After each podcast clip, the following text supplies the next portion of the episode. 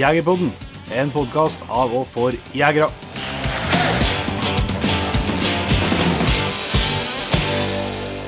Hjertelig velkommen til en eh, helt ny episode av Jegerpodden. I dag sitter vi og spiller inn før og etter på jakt- og fiskesenteret. Ja. I Flå er av alle plasser i verden vi kan være. ja, vi har endt opp her i dag, nå på torsdag, da, men vi har jo eh, tilbakelagt noen mil i Halluksen denne uka her eh, på ny innspillingsrunde. Hvis Vi har noen bil framme også. Ja. Men uh, dagens episode det er en prat som vi hadde på denne, eh, litt tidlig på denne turen, der vi var innom en kar som heter for Ole Kristian Mm. Som uh, en av flere eksperter, man kunne si, da, på en uh, legendarisk jeger som heter Heita. jo Gjende. Som jeg tror er et navn som er, er kjent for en god del, og så er det kanskje et nytt bekjentskap for noen. men det å stifte bekjentskap både med Ole Kristian og en, Jo Gjende, det tror jeg ikke kommer til å angre på. Så mye kan jeg nå tease på forhånd. Nei, og så vet vi jo eh, hvor, eh, ja, hvor populære de episodene om eh, våre gamle jegerhelter Yes. er. Og her er jo historie tilbake til, til 1800-tallet, så det er- bare å glede seg. Yes. Men før vi slipper til Ole Christian, noen historier om en Jo Gjende, så uh, tenkte jeg vi skulle bare si noen eh, få ord eh, om eh, Det er jo ikke alle som har fått med seg eh, av noen lyttere heller, men uh, de som har uh, abonnement på Trønderavisa, har kanskje sett at uh, vi har hatt et arrangement i noen år som heter for Aspøyen G-Fair, eh, som har i hvert fall etter vår målestokk da, vært en, en kjempesuksess og vært utrolig artig. Veldig givende. Eh, vi Og, og en stor satsing for vår del. Absolutt. Det Føltes som ei ved stor satsing i flere unger. Har tatt nattsøvn av meg mer enn ei natt. Men uh, der eh, måtte vi dessverre ut med en nyhet denne veka her om at vi ikke får til å arrangere i år. Eh, vi har dessverre ikke kommet til enighet om noe areal som vi har brukt til både messe og, og parkering. Uh, og det gjør at vi ja, tør ikke sitte lenger på på det sånn at Du må gjøre noe booking av både musikk og show og sånt i, i god tid, og det kan eh, bli veldig kostbart hvis det ikke kommer folk, eller at du ikke får til å arrangere.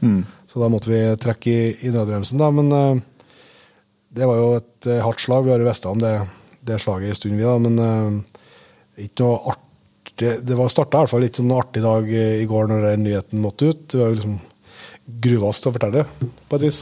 Ja, vi, vi har jo jobb, jobba lenge med og har visst om denne beslutninga ei stund. da. Um, og så um, er det jo sånn at visse ting kan løses, og forskjellig sånn, men, men deler av området her, det er jo den deler av området som, som vi nå ikke lenger kan bruke. Det er, det er jo en del til messeområdet som ja, og det som har blitt utnytta, som ble brukt da, i fjor og året før der, og som uh, da var planlagt skulle brukes i år igjen. Yes, og, mer til da, for å kunne vokse eh, videre, som vi hadde et eh, stort håp om.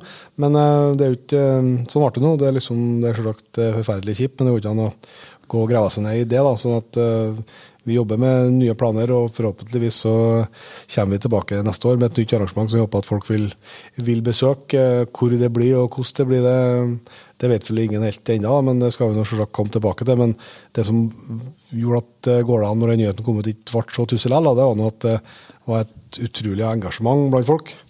Eh, telefonen sto ikke eh, hele dagen, tror jeg. Nei, det kima godt i, begge telefonene i bilen i går, og det var mye hyggelige samtaler og, og tips og råd, og at vi måtte komme dit og vi måtte arrangere her. og når du vet når til og med ordførerne i, enkelte kommuner begynner å ringe, Ja, da er det alvor. Da er det alvor. Ja.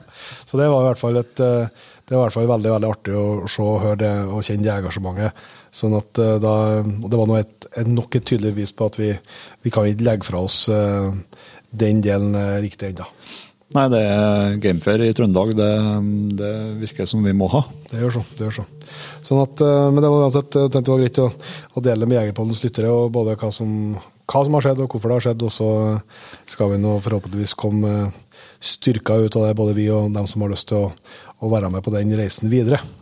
Så får vi se, se hva som skjer i 2024. Yes. We'll be back. Men vi skal ikke eh, dryge her lenger. Vi skal ta oss og eh, slippe til Ole Kristian og hans fantastiske fortellerevner om eh, legenden Jo Gjende. Yes. Da har du gleden av å ønske Ole Kristian Ødegaard hjertelig velkommen til Jegerpodden. Tusen takk for det. Og tusen takk for at du tatt imot oss. Da. Jeg tror det er i hvert fall topp tre, kanskje topp én podkaststudio gjennom tidene for Jegerpoddens del. Ja, riktig. Ja, jeg sa jo det på telefonen til deg at for- kan få lov å komme opp i stugge som er litt skjella, Ja. og bra utsikt. Og så er det jo nært knytta til det vi skal prate om i, i dag. Med Jo Gjende. Ja. Men eh, dere, dok, du, du, du, du som eier plassen, skal jeg si det er en hus, hus, gammel husmannsplass? ja, det er en gammel husmannsplass fra 1793 som vi var så heldige å få kjøpe her i eh, eh, når vi kom flyttende da, eh, for tolv år siden. Og så gikk det et par år, så fikk vi tilbud om å kjøpe denne plassen her. Og da mm, slo vi noe til da, eh, og begynte å restaurere husa. Da var det tre hus oppe her, og nå har vi seks. Ja. Da er du på en sånn liten by her. Ja, en liten by, men det skal være sånn òg. Her skal det være alle mulige slags typer hus da, til en sånn plass. Så, men små, intime hus. Mm. Vi skal jo på å snakke om Jo Gjende, det som Ja. er hovedtema. Men før vi går dit, altså, må du kanskje få lov til å si litt eh, mer om deg sjøl til, til våre lyttere som ikke kjenner deg. Ja. Um, ja, altså, jeg har jo bakgrunnen min eh, fra Lillehammer. Født og oppvokst på Lillehammer. Ja. Gikk uh, skoler der til jeg var ferdig med gymnaset. Så starta jeg opp en karriere i Forsvaret med befalsskole og krigsskole. Og starta opp en yrkeskarriere i Forsvaret. Da. Så jeg jobba i Forsvaret i 21 år. Eh, Til Forsvaret fant ut at de skulle drive butikk. Det syns ikke jeg noe om. Eh, Så da mm, ga jeg meg der. Var så heldig å få gå av på en sånn avgangspakke, da, som eh, var et tilbud der. Jeg var 40 år. Ja. Og så mm, starta jeg opp da egentlig direkte i industrien på Raufoss, for da bodde vi i Snertingdalen den tida. og så starta jeg opp da jobbe litt i industrien. Først i eh, en bedrift som heter Ragasco. Og så eh, fortsatte jeg opp på Nammo, da. Ja. Og jobba etter hvert som eh, sikkerhetssjef på testsenteret der, på skytefeltet. Eh, før jeg da trådde til side og ble eh, nærmest uteligger i Heidal. vi, eh, vi, I mellomtida her så har vi bestemt oss for å flytte til Heidal. Da. Vi bygde oss hytte her i 2005-2006 og trivdes så godt oppi der. eh, Og oppi her, blant både naturen og folket. Så bråbestemte vi oss for å kjøpe hus i Heidal og flytte oppover. Og kom hit i eh, 2010. Eh, og da var jo jeg pensjonist egentlig fra Forsvaret. Og, og jeg pendla et år til Raufoss. Jeg Bodde i campingvogn og, og mistrivdes. Eh, Så fant vi på at eh, ja, så kom tilbudet om plassen her, da. Etter to år. Og så fant vi på at ja, ok, da får dette her bli arbeidsplassen til unge Ødegård. Ja. Så starta vi opp et prosjekt med å restaurere hus, og så utvikla jeg da eh, og begynte å jobbe holdt på å si, eh, fulltid med historier rundt Jo Gjende. For den, den gnisten hadde jeg med meg egentlig når vi kom flyttende opp i Heidal. Jeg visste jo om en Jo Gjende da vi kom hit, men eh, det var bare liksom det som sto i bøken. Og så starta det da et eventyr med historien om en Jo Gjende da, Ja. etter hvert. Men du har jo et eh, eventyr til skal jeg fortelle om før vi går dit, da, med, med skimaking. Ja, det var en Jo Gjendes skyld, det òg, som jeg sa til dere her i dag. Jeg så jo gamle, et gammelt par med ski etter den, som henger borti et museum i Vågå. Så har jeg jo bakgrunn som skiløper, da, og en far var skimaker på Matsu skifabrikk. Så da var det lett å ty til tanken om at eh, jeg kan jo begynne å lage ski òg. Og sånn ble det. Så prøvde jeg meg fram litt og endte opp i en sånn fjellskimodell etter en Jo Gjende, da, som jeg gjorde i mange år oppi her. Så nå i dag så begynner jeg å nærme meg 80 par ski som er gjort her i Hedal. Tøft. Eh, og så har jeg nå switcha over de to siste åra og dukka ned i disse gamle nordiske skitypen. Langskiene og andoren, som òg har forgreninger tilbake til det samiske. Og da begynner det å bli veld, veldig veldig spennende for meg, da. Ja. Og, og en lang historie da. En lang historie og veldig spennende, og fryktelig mange muligheter nå, føler jeg. Så er, nå er jeg skimaker, og så er jeg historieforteller på heltid. Men den skimakinga, det, er du stort sett sjøllært? Det er da bare Ja, gjort det på frihånd Ja, ut ifra bilder? Og, han, eh, far var jo i live når jeg begynte, så han fikk se de første skiene mine, men han var jo ikke treskimaker. Nei. Han begynte på fabrikken akkurat idet glassfiberskia kom. Ja. Så han, eh, sjøl om han var møbelsnekker av profesjon, så hadde han ikke så mye å bidra med, annet enn verktøy og, og treverk. da. Nei. Så jeg måtte lære meg sjøl. Ja. Prøve meg fram. Det er jo en del jegere som er kjent med tegneskien, men, Ja. men det er en annen type treski enn det Ja, du lager. da. det, er- det er moderne ski, da. Den er limt. Ja. Men det er jo i treski, og i flott ski på alle måter. Eh, Jeg har gått lenger tilbake i tid og driver med helved. Ja. Ja. Så det, det, synes, det er blitt min greie, da. Eh, mange utfordringer med det. Finne gode emner er jo et veldig veldig tidkrevende jobb. Å få tørka det, og, og, og, og til slutt så forhåpentligvis blir det ski. da. Men de sier jo det på sånn helvedski, så sier de da at eh, du får bare eh, Altså av, eh, av 100 par ski, så får du 10 som er brukbare. Så vanskelig er det å finne 100 emner. Men det blir ski av det meste. Jo, jo, men som blir liksom topp Ja, som toppski så er det liksom bare 10 da. Ja, men det er jo det er jo dem om på Fischer-fabrikken moderne i dag. Også, Ja, da- ja. Det er litt av det samme. Ja. Kjenner meg litt at når jeg ser dem driver og prater om godskia sine. Ja, ja. Så nei da, så dette er et fryktelig Litt artig at en far var, var et av gamet der, og at jeg flaska opp på ski. Skimakerlønn. Og så nå har jeg begynt sjøl. Så det, det syns jeg er litt trivelig. Ja, det, det, du bruker flere forskjellige treslag, da? Ja, det er, per nå så har jeg drevet med bjørk og furu, og, og, og nå ask. Ja. Så jeg har vært nede i Hønefoss-trakten og fått tak på en askeplank som jeg har fått tørka nå, og har gjort en to-tre par nå, da. Ja. Så, men jeg holder meg liksom Jeg vender tilbake til bjørka, da. Eh, Den rene nordiske bjørka, den syns jeg er fin å jobbe til. Men Men, det- men er det liksom Hva vet man om det er bare funnet av gamle ski? da? Altså, Ja. hva, hva var Nei, det er favoriten? bjørk og furu Ja. her oppi. Disse skiene som er funnet inni snøbreia inni her, eh, i eh, Lesjafjellet annet, det er både bjørk og furu, faktisk. Så, og furu er lett å, egentlig ganske lett å få tak på oppi her, da. Så, så, så er furu, er ei god furuskit og tettvokst tre, det er ikke å forakte det. Nei. Men du sliter ei sånn ski fortere oppi her enn ei bjørkeski. Ja. For det er så mye is i snøen oppi her. I hvert fall vi som går i Jotunheimen.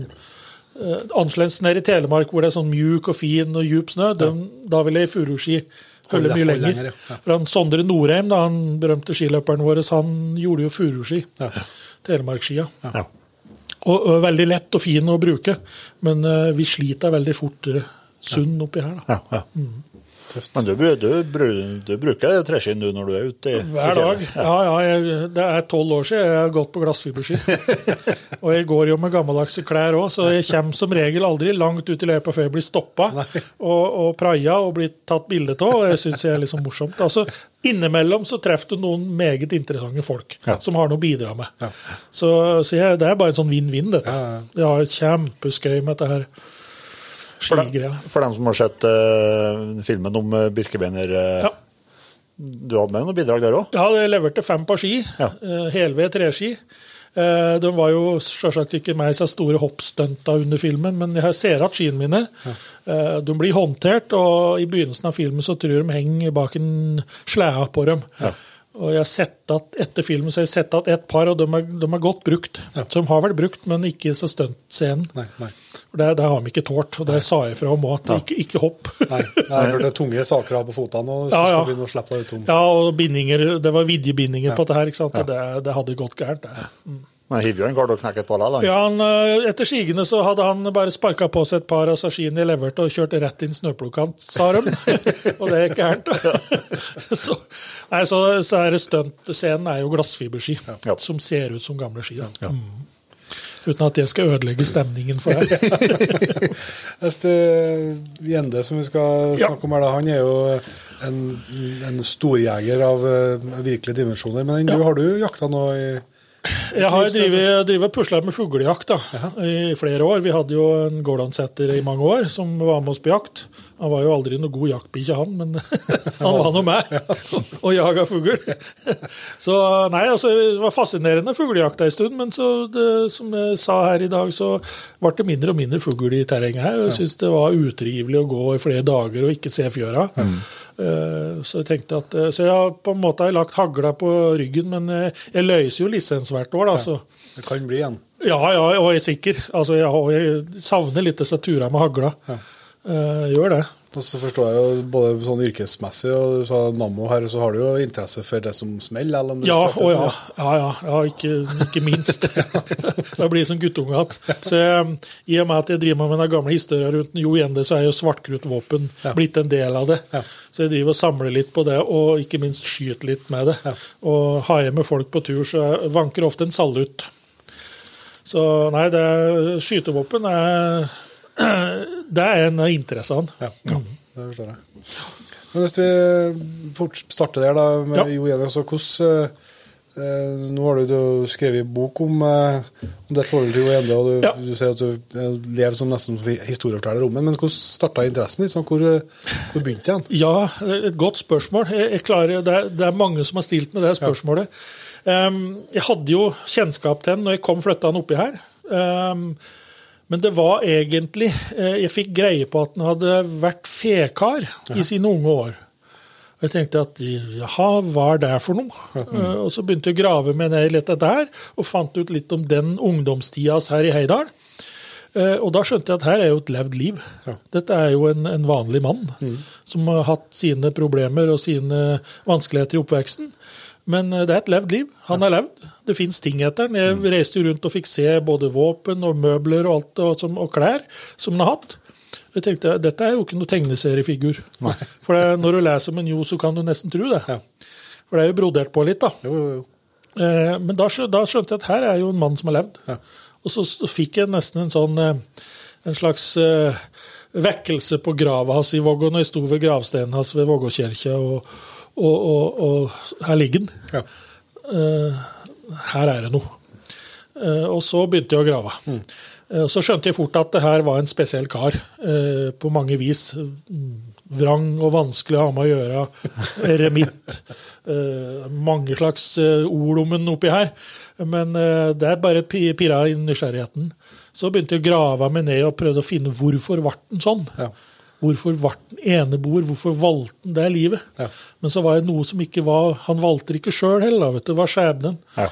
Uh, og det er det jeg kanskje tenkte at vi kan kan komme litt inn på nå i dag. Dette her med hvorfor Hva var det som formann til den blei? Ja. Uh, for det var ikke alltid han påvirka sjøl. Uh, Sjøl om vi kanskje tror at han la seg inn på en spesiell eh, levesett eh, frivillig. Mm. Det var ikke det. Nei. Hvis vi starter helt på, på starten, hvor og når blir han født? Han er født i Vågå, så han er vagvær. vagvær. Ja, det er som flere streker under. Eh, veldig viktig, eh, og helt riktig. Han er vagvær. Eh, han er født i 1794 eh, på en gard som heter Sygardet Kleppe i Vågå.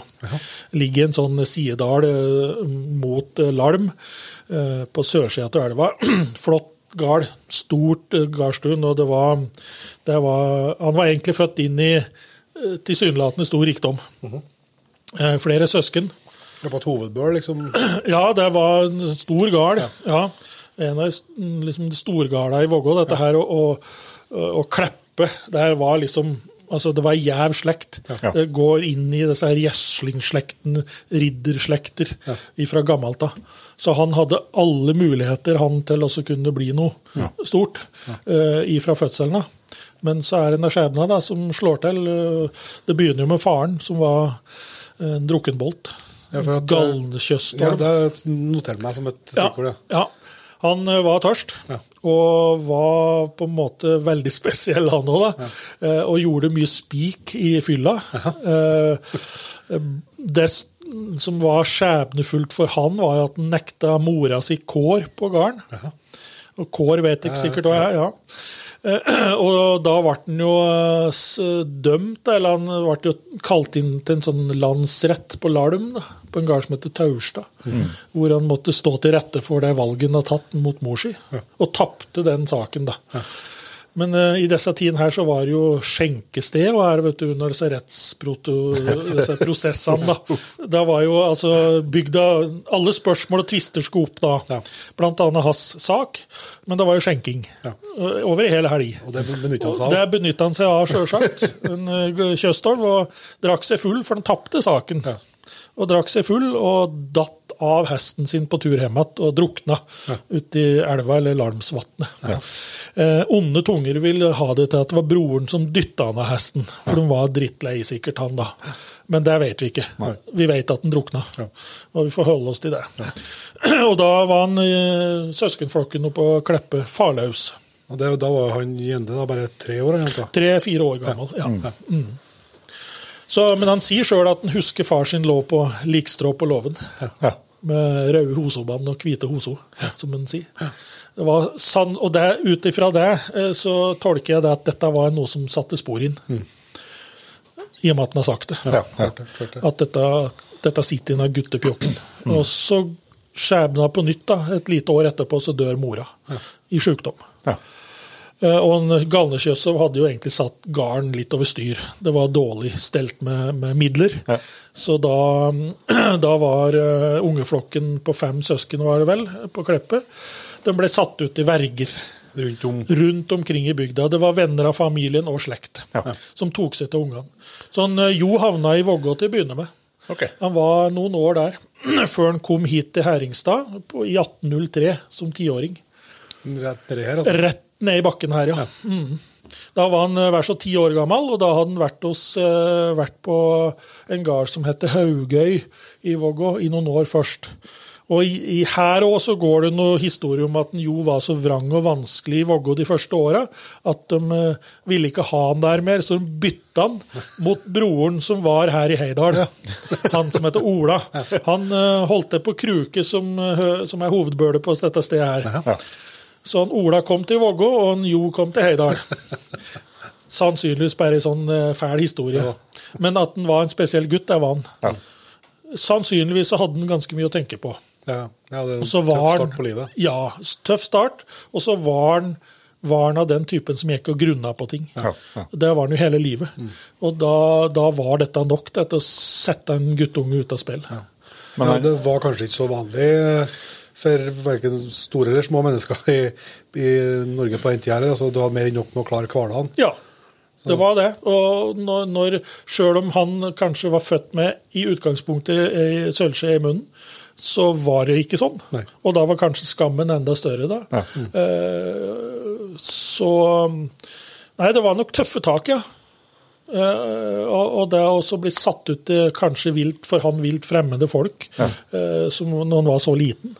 Og måtte, han var jo, når han kom hit til Heidal, så var det jo at han skulle i arbeid for kost og klede, Ja. som det var sagt.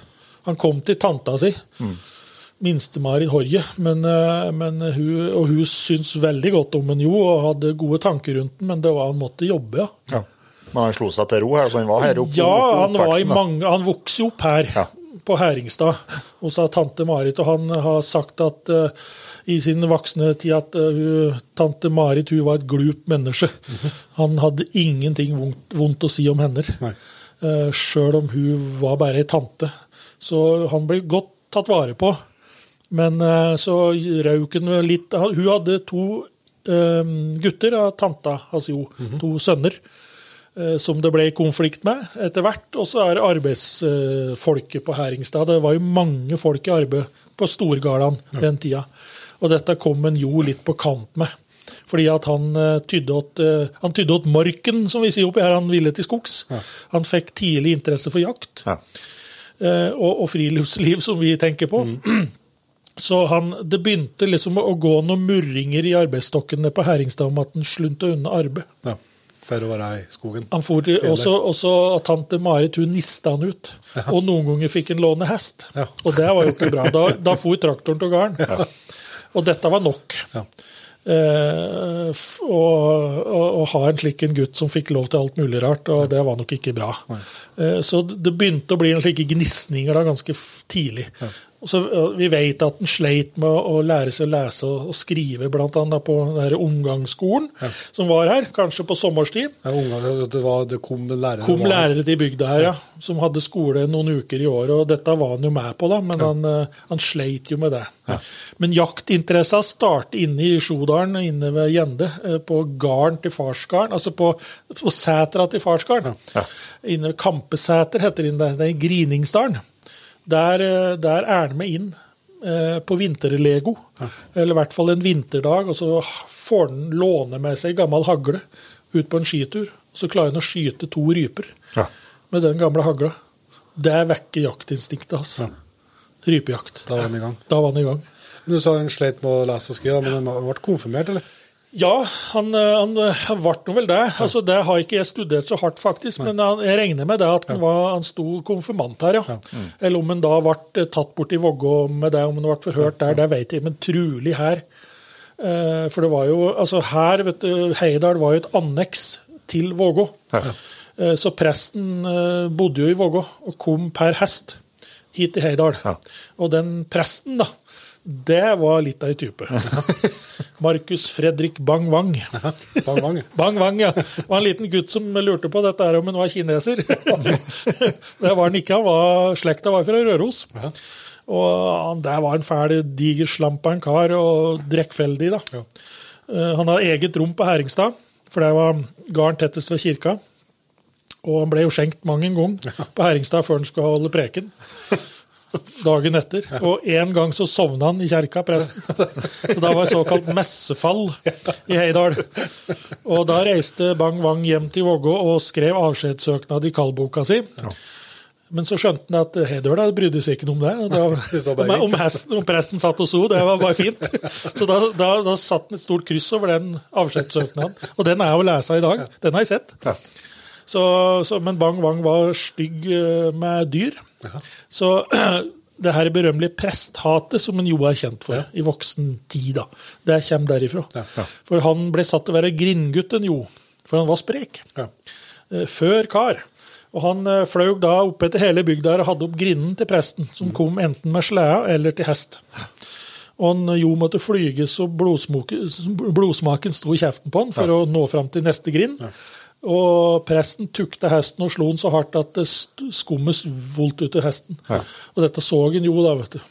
Så fikk han ikke dette til å skjønne at eh, presten kunne være slik. Han som skulle være from og snill. Og så var jo presten ute etter småjentene i bygda og drakk. Det var jo nok til at han jo begynte å lure litt på presteskapet. Ikke hadde den tilliten som skulle hatt det, der. Den mista de, eh, og det var bang bang. Ja.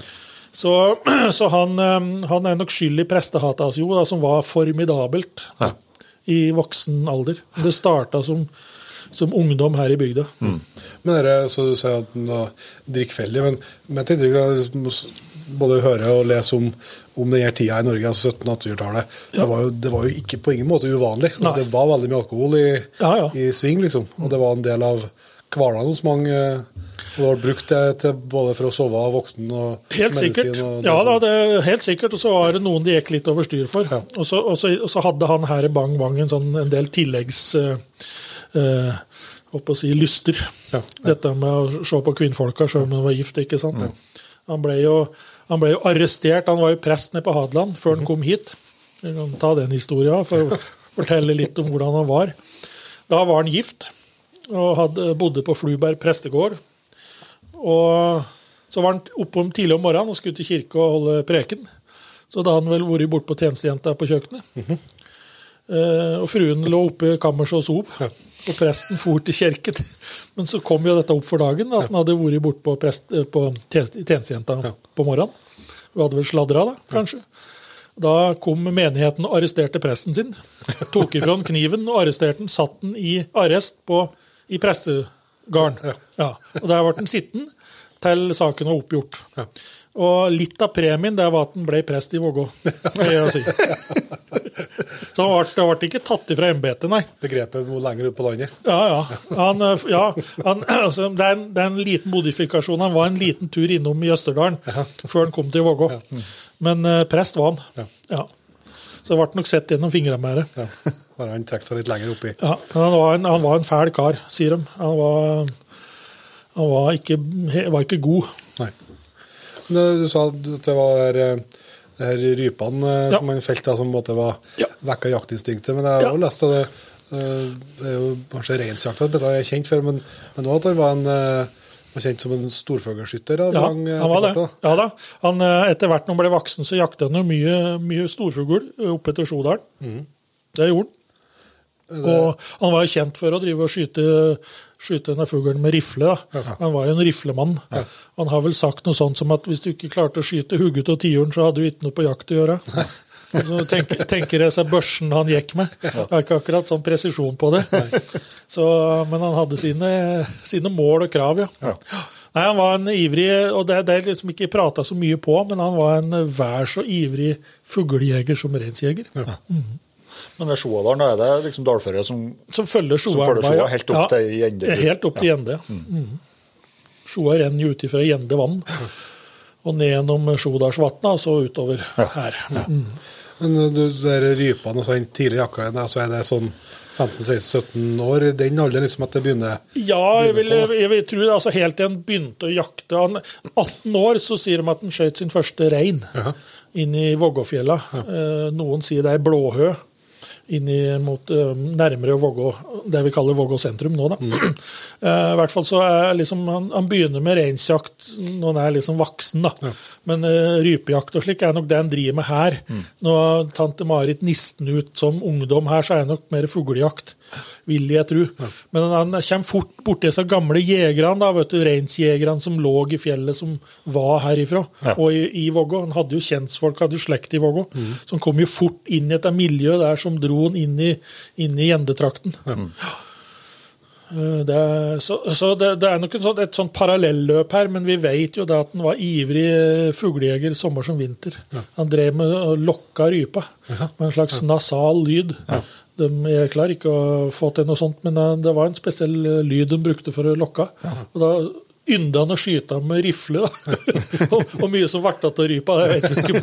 Men han, han solgte jo dette her da, vet du, og ga det bort.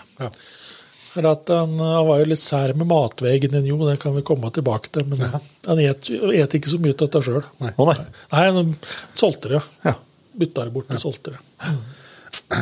Men da er det når han liksom begynner å, å blir mer og mer fjell Da er liksom, Ja. det er Jotunheimen og, Ja. og trakten her da, som Ja. blir liksom Heimfjellet hans, ja. ja, ja. I og med at, eh, at Heidøla og Vagvern de gikk jo litt i hop da, ikke sant, med den jakta. Det var jo samme eh, terrenget de brukte. Eh, I hvert fall når det gjaldt reinsjakta. Og det var like mye liksom Heidøla som Vagværet som drev inni der denne tida her. Eh, så da, da var det fjellet og høgfjellet som drog, ja. Og så um, traff han jo en kar som heter Jakob Snæle, da.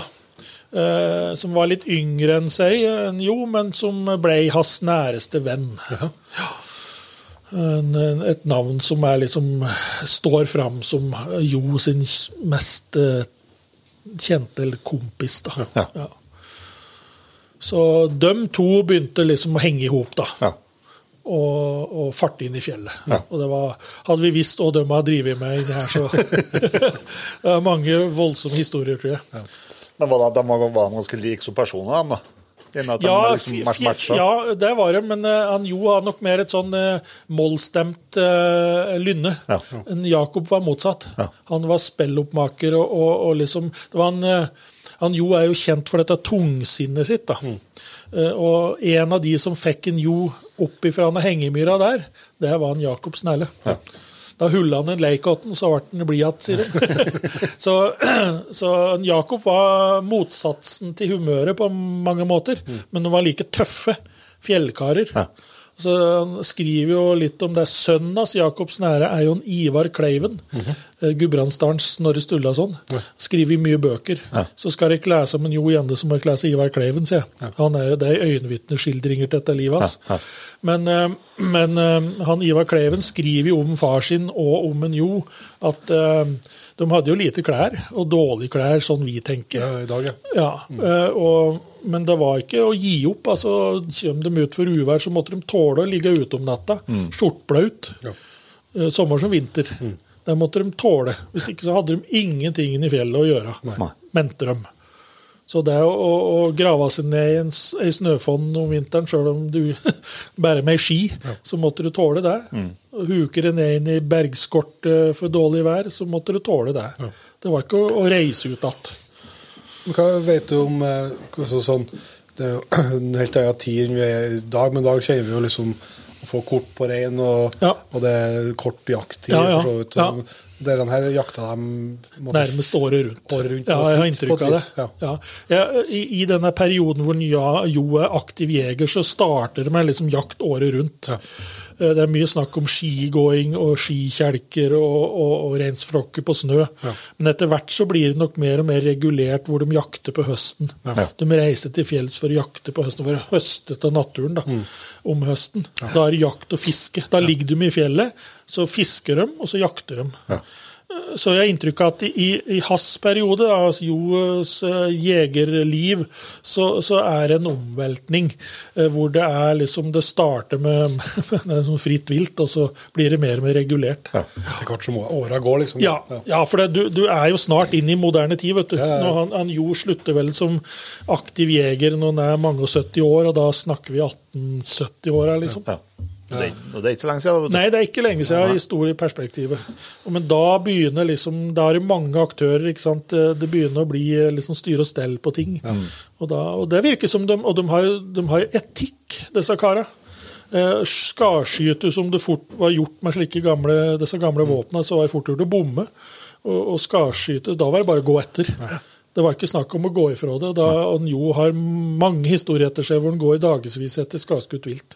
Og gir seg ikke før den har fått feltet. Og Det, det har overraska meg, altså at de hadde dette der eh, i seg. At det var liksom ikke bare ja, pytt, pytt. Det er flere dyr her. Ja, Hvordan er inntrykket at eh, altså, det er den måte, brytningstida her, da, fra at de som du sier, fritt vilt de gjorde som de ville at de måtte forholde seg, altså, godtar de det på et vis? Virker sånn. Jeg har ikke, jeg har ikke lest om noen noe aversjoner mot det. Nei. Ja, for det, jo, det er lett å forestille seg at det ikke er så lett å forholde seg til. Da. Ja, ja, så du måte jeg, jeg, ser den. Leve et fritt, mer enn vi veidemannsliv. Ja, altså, og, og så vet vi jo ikke hva som egentlig skjedde, klart, kanskje. det. At de henta seg en skrått når de var sultne. Ja. Og vi, vi vet jo at uh, i seinere tida altså, jo, så Han hadde jo besøk av en del uh, utlendinger, engelskmenn blant annet, og da har jeg inntrykk av at de var de hadde, de hadde ikke mat, Nei. så de måtte ut og finne seg en skrått. Da. Så at de, men at det, det begynte å bli en slags regulering på det. ja, skjønner. jeg. Hvor de lå mer i fjellet på høsten enn de gjorde døgnet eller året rundt. Men han Jo var jo kjent for å være eremitt. Han bodde jo der hele året i en periode. Ja.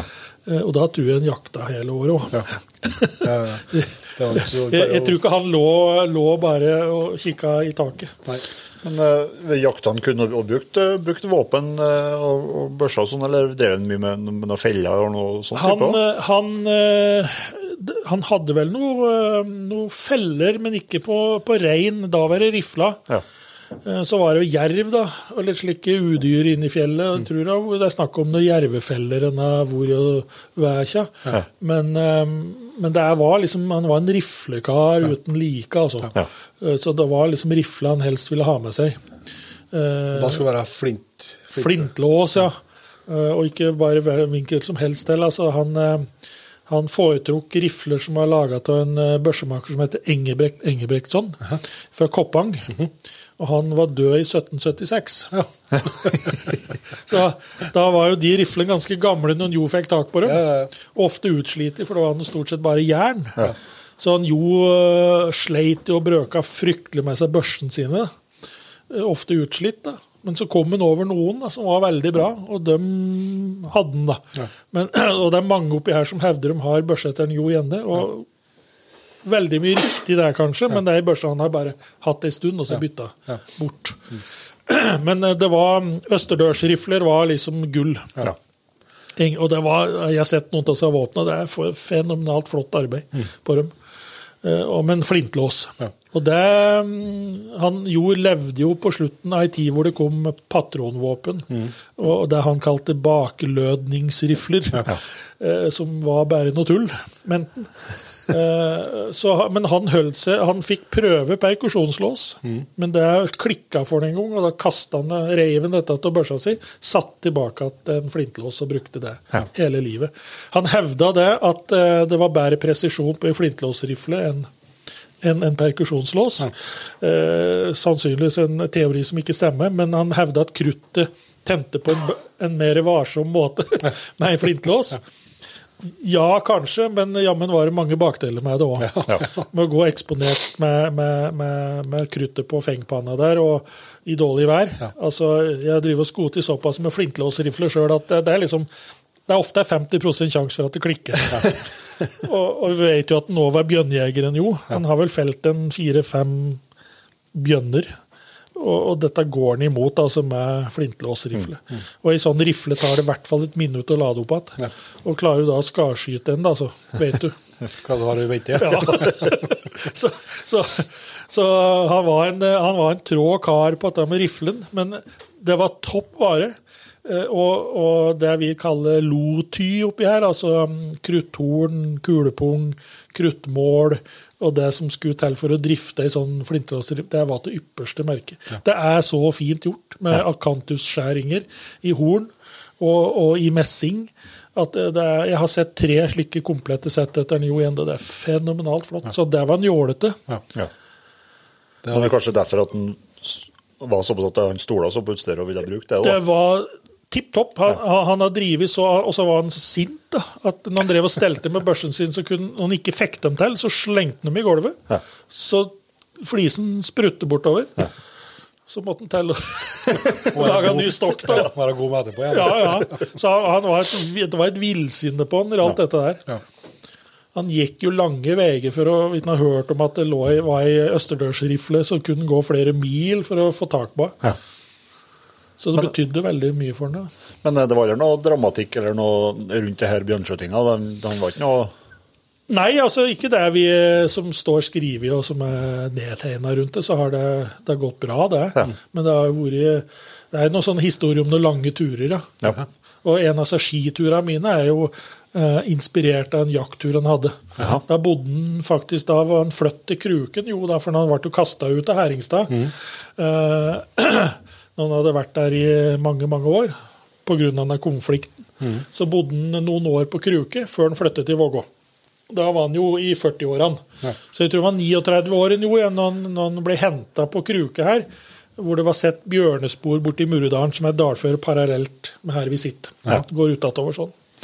Uh, og da følger han det bjørnesporet to døgn uten mat, på ski, og ender opp på Gjende. Bjørn han har gått etter Murudalen, så han uh, tatt over til Sikkersdalen. Og gått opp igjen Sikkersdalen, over skaret og ned til, til Gjende. Og, og gått etter iskanten bortover, for dette her var på førjulsvinteren. Det var kommet mye snø og var kaldt, og da er det som regel ikke is på Gjende. Så bjørnen har trulig kommet seg over elva og gått nordre landet bortover. Og da eh, På andre døgnet så er han jo i hæla på han. ja. da han, jo- Og da er han jo midt i det området som han virkelig er kjent Også. Ja, det, og da han jo, han jo har jo vært der, da. Ja, ja. Eh, hadde ikke noe bu inni der dette året her, men han, eh, han var kjent inni der. Og så merker nok bjørnen det at han eh, er forfulgt, og så stikker han til fjells. Men så går han seg fast i sånn bergskorte. Dette her er, er midt imellom Gjende, Gjendesheim og Memrubu, på nordre sida av vannet. Så stikker bjørnen opp og vil prøve å komme seg vekk, og så går han seg fast. Og da kommer han jo etter på ski og steller seg opp under den og veit at nå må du snu. Ja. og der brenner han løs på den oppi. Og klarer å felle den, da. Og, men da er det natta. Mørkt. Så da si historia der, og det tror jeg på. Da flådde bjørnen og tulla seg inn i skyen og sov. Ja. Og, ut av mat. To På andre- døgn. På, på andre døgnet. Ja, på andre døgnet. Den turen har jeg gått sjøl, og det, jeg ble sulten. Så Nei, det, det, ja. det, det er jo noen tunge bører da, med, med, med, på ski og med sikkert med noe kjelke bak og greier. Ja, i hvert fall så om en hadde med seg det når en gikk etter bjørnen, eller om en fikk ordna seg noe. Det er ingen som vet hvor den bjørnskinnet ble av. da. Eh, For det stopp, historia stopper liksom der. Men han ynda å fortelle om dette som gammel kar, at 'jeg har aldri sovet så godt som den natta'. Nei. Så, Det går, så, det går an å tro på. det går an å tro på. Ja da. Så, og at den, at den har fe, og det, det går jo flere historier med disse karene i fjellet hvor de la seg til reinskinnet. Eh, Så det tror jeg nok på han gjorde. Mm. Men hvor ble det skinnet og skrotten? For de tok jo vare på noe av kjøttet. Sjølsagt gjorde de det. Men eh, nei, det er litt av ei type. Når du snakka om at han levde i fjellet, hadde han eh, hva liksom var, hva var liksom, Hadde han flere buer han bytta imellom, eller hadde han liksom ei hoved... Nei, altså, for å ta det litt sånn um, i, i riktig rekkefølge, da, så, så, um, så var han jo som 40-åring på Kruke her i bygda. Så han har jo liksom hatt 30 år da, her, Ja. før han ble på en måte Konflikten ble så stor med arbeidsstokken på, Ja. på, på Heringstad. Så er han på Kruke et par år, og så flyttet han til Vågå. Ja, Hos bror sin, han Ola, som var på Kruke. stemmer. Da er han, da er han jo på Haugøy igjen. Eh, Og da treffer han en, eh, treffer han en eh, løytnant i Vågå som er veldig belest. Så han jo får interesse for bøkenes lærdom. Og så eh, går han sammen med en Jakob Snærling, kompisen, og bygger seg ei bu inne ved Gjendosen. Ja. De, vi tror dette her starter i 1842. Ok. Eh, Da eh, er en Jakob og en Jo som skaffer seg tømmer, får kjørt opp på Gjendosen og bygge ei bu der. Tidligere så hadde det bare vært ei gammel steinbu der som de hadde brukt. Men nå har han Jo sannsynligvis noen tanker om at han skal slå seg ned der.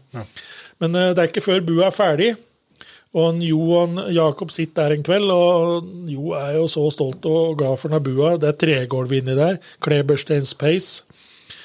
Eh, og i høyeste grad en vinterbolig. Så sier jo at eh, dette her er så fint, Jakob, at her tror jeg jeg vil slå meg til. Og Jakob blir forferda, for det er jo ikke noe sted å bo hele året inni der. Men, men han Jo er ikke til å rokke, så han slår seg ned da fra 1842, så bor han fast innpå Gjendosen i tre ganger tre meter bu. Og det er ikke så tjukke vegger. Så da blir en enebor der. Og der vet vi at den er i hvert fall åtte år sammenhengende. Det er det. Han er bare ned til bygda og proventerer litt og, og skaffer seg krutt. Og, og slik. Og da Gjendesheim er jo ikke oppå der. ikke sant? Det er, det er setervirksomhet på vinteren inne i Sjodalen, så det er noe folk lenger ned i, i, i, i dalen. Men at den er ganske aleine inni der da, det er jeg helt viss på, ja. Og da mener jo folk etter hvert at den blir like steil i hugget som fjella innviende. så om den har vært vanskelig før, så blir den ikke noe lettere med, med den perioden. Men da tyr den til bøken, som han har fått interesse for. da, Av den i Vågå, så har han med seg bøker inn i bua si, så ligger han der og leser når det er buvær. Og jakter. Ja. Da er han jo i sitt ess. Hva, men da ordner han etter hvert flere buer som Ja, ferier ja, rundt? ja da, det, er, riktig. Eh, han får sette seg Først så setter han seg nok opp et båtnaus der, så han har båt som kan få fiska. Ja. Og så begynner han å bygge det vi kaller innsmoggo, altså små steinbuer inne i fjellet. Så han har uh, lyv, Krypinn, liksom. krypinn, ja. Og så ordner han seg med en ny bu eh, i nordenden av Gjende, altså vest ved Gjende. Ja, for det var bare to hjemme. Det er bare to himmelretninger oppi her. Er nord til og sør til. Nei, så I andre enden av For denne første bua, da, hovedbølet, det er jo, eh, det er jo i, eh, i, i utløpet av eh, Gjende, altså i Sjoa. Også I andre enden av vannet så får han tak på tømmer, eller han, jeg er ikke sikker på om han bygger den bua sjøl, men han får tak på noe tømmer som er ferdig lafta, jeg vet ikke helt. I hvert fall setter han seg opp i bu omtrent der eh, båten klapper til kai ved Gjendebu i dag. Der har han jo ei bu. Men så har han òg ei tilsvarende bu inne i fjella i Lomsfjella. Inne i, Veodalen. Ja. Men der liker ikke folk fra Lom da, vet du, at den er inni der og jakter. Så de rir den bua her, og tenner til bua. Og da legger en jo alt som er til lamværet for hat. I hvert fall jegere. Ja. Eh, og så er det en dag da han jo eh, kommer fra jakt borte ved Gjendebu der, da, og bua der. Så ser han det ryker ut i skorsteinen. Så går han bortåt, og så skjønner han at det er folk inne. Så går han og lyer på døra, så hører han at det er lomvære der. Da fater det tid. Da spretter han opp på taket, begynner å kaste stein ned i skorsteinen. Der har de satt på ei grytkjel ikke sant, med kokte grøt til seg, og det blir svart inni der, ikke sant, og ut kommer de. Og da, men da er han så sint og så villstyrig at de får ikke roa han ned. Nei. De må bare gå ifra han. Og han kjeppjager dem bortover der, ikke sant. Men han skjønner jo det at det er litt på tynn is, for bua står nå på loms i grunnen. Da. Så, men da river han bua si i løpet av natta. River helt ned, kaster tømmer ut på vannet og ror over på andre sida, og setter opp igjen på andre sida til Gjende. Så trå var han. Og der står jeg en dag i dag. Og da visste han da at nå står jeg på Vågå si grunn. Ja. Så fikk han da navnet Vågå Bui. Faktisk Sånn var bestemt, bestemt type. Han var bestemt type. så, så han, um, så han var, han var trå, ja. Og det som er artig, er at bua står der en dag i dag, noe medtatt. Så jeg håper nå, må si det, jeg håper at noen tar vare på den nå. Hun er i ferd med å dette ned, men det er jo hver så artig historie rundt den. Ja. Men det, det, det er da på, på vestenden av Ja, Ende? ja vestenden og, og, og sør Ja. sida av vannet. Ja. Eh, der stien kommer ned fra Svartdalen, Ja. fra Torfinnsbu over til Gjende, så går stien ned til et elvegjerde der, og bua ligger nesten bortåt den elva. Knallfin plass. Det er en sånn sildrebekk ut av veggen der. Det er så fint der. Så der er jo ei bu som en Jakob Snælån Jo søker mye tid hos når de er på jakt i fjellet. For det er ofte det at de er en tre, fire, fem karer i hop når reinsjakta begynner på høsten. Men så er det òg sånn da at en Jo blir uvenner med dem. De aller fleste unntatt en Jakob. Og så tar de båten, og så ror de nord til. Hva, altså, han er der åtte årene i hvert fall, altså, men Ja. altså, hva, da lever han av jakt. Da, men Ja. hva, hva vil det si for han? Altså, er det selge kjøttet, liksom? Og, Selg eller gi det bort. Ja. Bytte det. Ja. Nei, han, han er jo Vi kan jo ta dette med mat, da, for at han er jo veldig sær i kosten. Jo, det har han visst alltid vært, da, men i hvert fall i, i denne perioden her, så han steiker eller koker aldri maten sin sjøl. Eh, vi vet han salter ned kjøtt, så han har ei, ei tønne med saltkjøtt i båtnaustet sitt. Det har vi fått bekrefta. Eller så lever så han lever på spekemat og kaffe. Men så kommer det folk da, vet du, og besøker den, og da steller de til fiskåtten og slik som får til seg litt mer.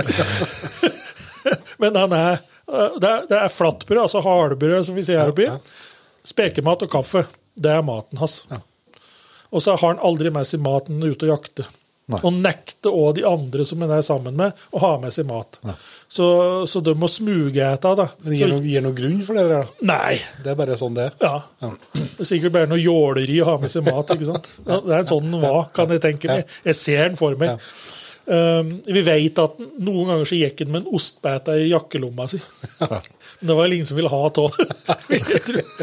Men han er meget sær når det gjelder kost. Men når det kommer folk til den, så eter den hva som helst, og den elsker å bli traktert. Men ikke noe gira på å stå og Lager ikke mat sjøl, nei.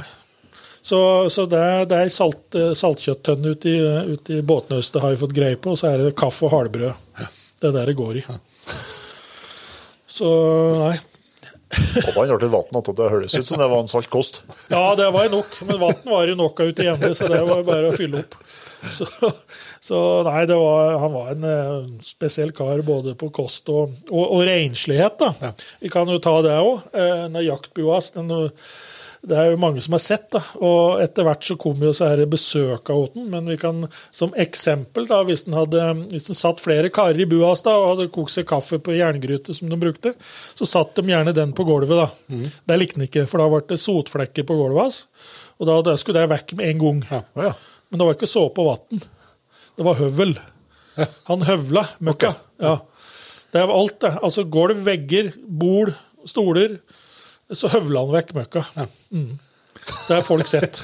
Og han, ble, han vektig sur hvis det ble møkkete. Så det var veldig ryddig og rent rundt. Ja, altså, det var ikke noe griskall sånn. Nei, nei, nei, men åssen det var med klesvask og kroppsvask, det tror jeg var ymse. Ja. Men akkurat det, det skulle være rent inne. Ja. Det er jo litt uvanlig fra andre, jegere og fjellfolk fra den tida der man, man hører om det. Så Ja. er det jo at de gjerne Nøye, ja. Ja. ja. Ja, nei, men han, han brukte altså Han hadde en forklaring på det òg, for at eh, hvis du brukte såpe og vann, så røyta det treverket. Han tenkte kanskje ikke på at det ble mindre og mindre bordplate. Han var- nei, han, hadde, han hadde fullt av mø, høvler og slik i, i båtnaustet sitt, sier de, dem som har sett det. Ja. Så det var fullt utstyrt innpå der. Men klart, Han trengte kanskje ikke så altså, Han trengte ikke så mye for å kunne holde seg i live heller, da, altså, av, penger liksom, og sånt. og sånt det var når han fikk bytta til seg litt krutt og noen børser. Ja, ja, ja. Så berga han jo. ja. Og han, han, han, levde ikke for å ete, Nei. han et for å leve. Sånn. Ja, ja sant. Så, så det Nei, altså, han var en, var en særing på mange måter. Og, og når vi kommer inn på at det er eremittlivet hans, da, så kan du begynne å lure på om det var noe kjærlighetsliv ute og gå her. Ja. Eh, og det har det vært. Eh, altså Det første vi hører om, er jo at han forelsker seg til ei jente i Heidal mens han er her, som 18-åring. 18-19-åring. Men da, og de er visst såpass bestemte at de vil gifte seg, og de to. da. Så da må man jo gå til faren og be om å få lov å gifte seg med jenta, men det er jo blankt nei, da. Da, da også får han en knyttneve midt i ansiktet, ikke sant? sånn verbalt. Fordi at uh, han er sønn av en galne kjøttstolv og reinsjeger, og det skulle ikke inn på gården der. Og da, da sier visstnok en som så at da, da han kasta finklærne sine til kista si, og tar dem aldri mer på seg igjen. Men han hadde altså han sagt noe sånt som at han skulle aldri røyve en kvinnfolkstakk noe mer. Men det hadde han glemt, da. Det gikk over. Det gikk over etter sti. Men eh, nei, så der, han hadde med seg det slaget òg, da, selvsagt, i livet sitt, at han ikke var godtatt i bygda her. På grunn av faren. Ja. Og det livet han likte. Ja. Det sto liksom ikke helt i stil med det som krevdes i ei bygd. da. Nei. Nei, for I dag så tenker vi jo sånn, selvsagt om det er fjellivet og, som en veldig sånn romantisk mm. greie. og Det er ikke sikkert det var sånn Det var matauk. Ja. ja altså, da, da var ikke sett altså det frie, det som vi tenker som et veldig fritt og flott liv i dag, Ja. var ikke sett på Nei, nei. av gårdbrukere og sånt som, Nei, nei, nei. det samme. Er helt riktig. Det er et godt poeng du har der. Og, og, og, dra, og du kan dra det videre. For det var, det var ingen som satte pris på at en Jo kom att til gården med kanskje en kløv full av kjøtt. Han fikk kjeft fordi at han hadde lånt, fått lånt hesten. Ja. Men det kjøttet som han kom til gården med, som gjorde at de faktisk overlevde, det var ingen som prata på. Nei. Det var alt dette andre negative. Så det er, et, det er et godt poeng. Det, det, det var et helt annet liv. De så på dette med, med det som du sier, det vi romantiserer, det var noe annet. Hva, hvis du tenker på reinsjakta som måtte er Ja. kjent for, hva, hva, vet, hva vet vi liksom om eh, hvor- for jeg- har i hvert fall lest at han var ikke Det var, det var skulle skjøttes bukk. Ja, han, og det har òg noe sånn historie tilbake til, til kjærlighetsepisoden hans med hun jenta. da. Eh, Noen sier det at han hata òg kvinnfolk etter dette her. da. Ja. Så at dette med simler det, og skul, det var liksom ikke noe tema. Nei. Det, det tror jeg er litt eventyr. Ja. Men eh, for at han var, når, når de var flere, da, så gikk de etter flokken. Ja. Eller hopen, reinshopen, som de sier her oppe. Så da jakta de på flokken, og når de fant den, så høsta de av den. Men så er det nok mer det at en jo så en utfordring å finne seg enslige bukka. Ja. For de gikk mer vanskelig til. Ja. De skiltes ut fra flokken ikke sant? på visse tider. Og han syntes det var mer gjevt å gå etter storbukken. Ja.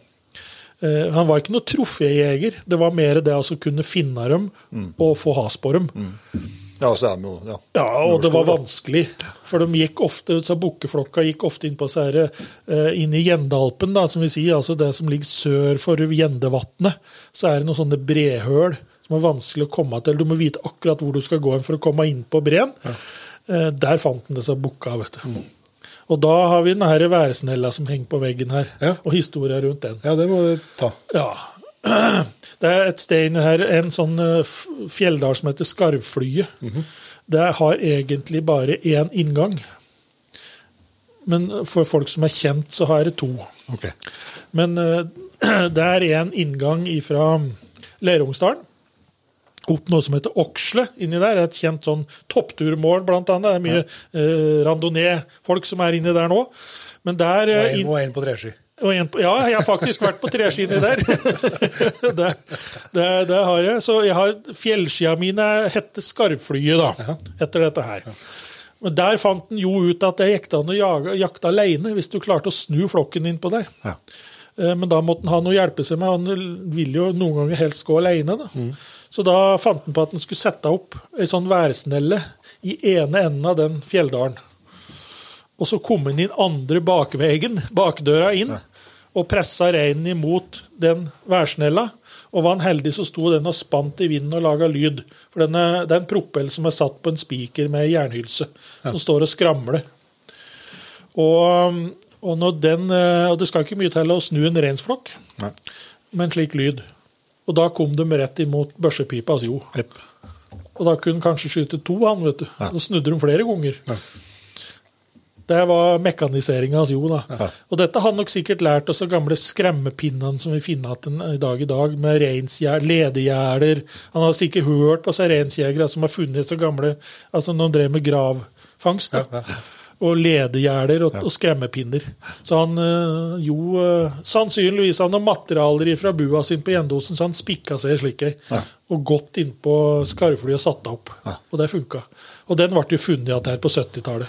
Men det kan jo tyde på at liksom den her tenkende delen av en da, som kanskje kunne gjøre en mutt og kunne Mm. hjelpe en i det praktiske, at han, han tok, jo, tok jo hjelp av det, Ja. det jevne. nå. Ja, ja og, og der er også inne på et sånn, en, en sånn ting med, med, med en Jo Gjende, det at han var, vil jeg hevde, da, eh, ganske langt forut for sin tid Ja. når det gjaldt tankegods. Ja.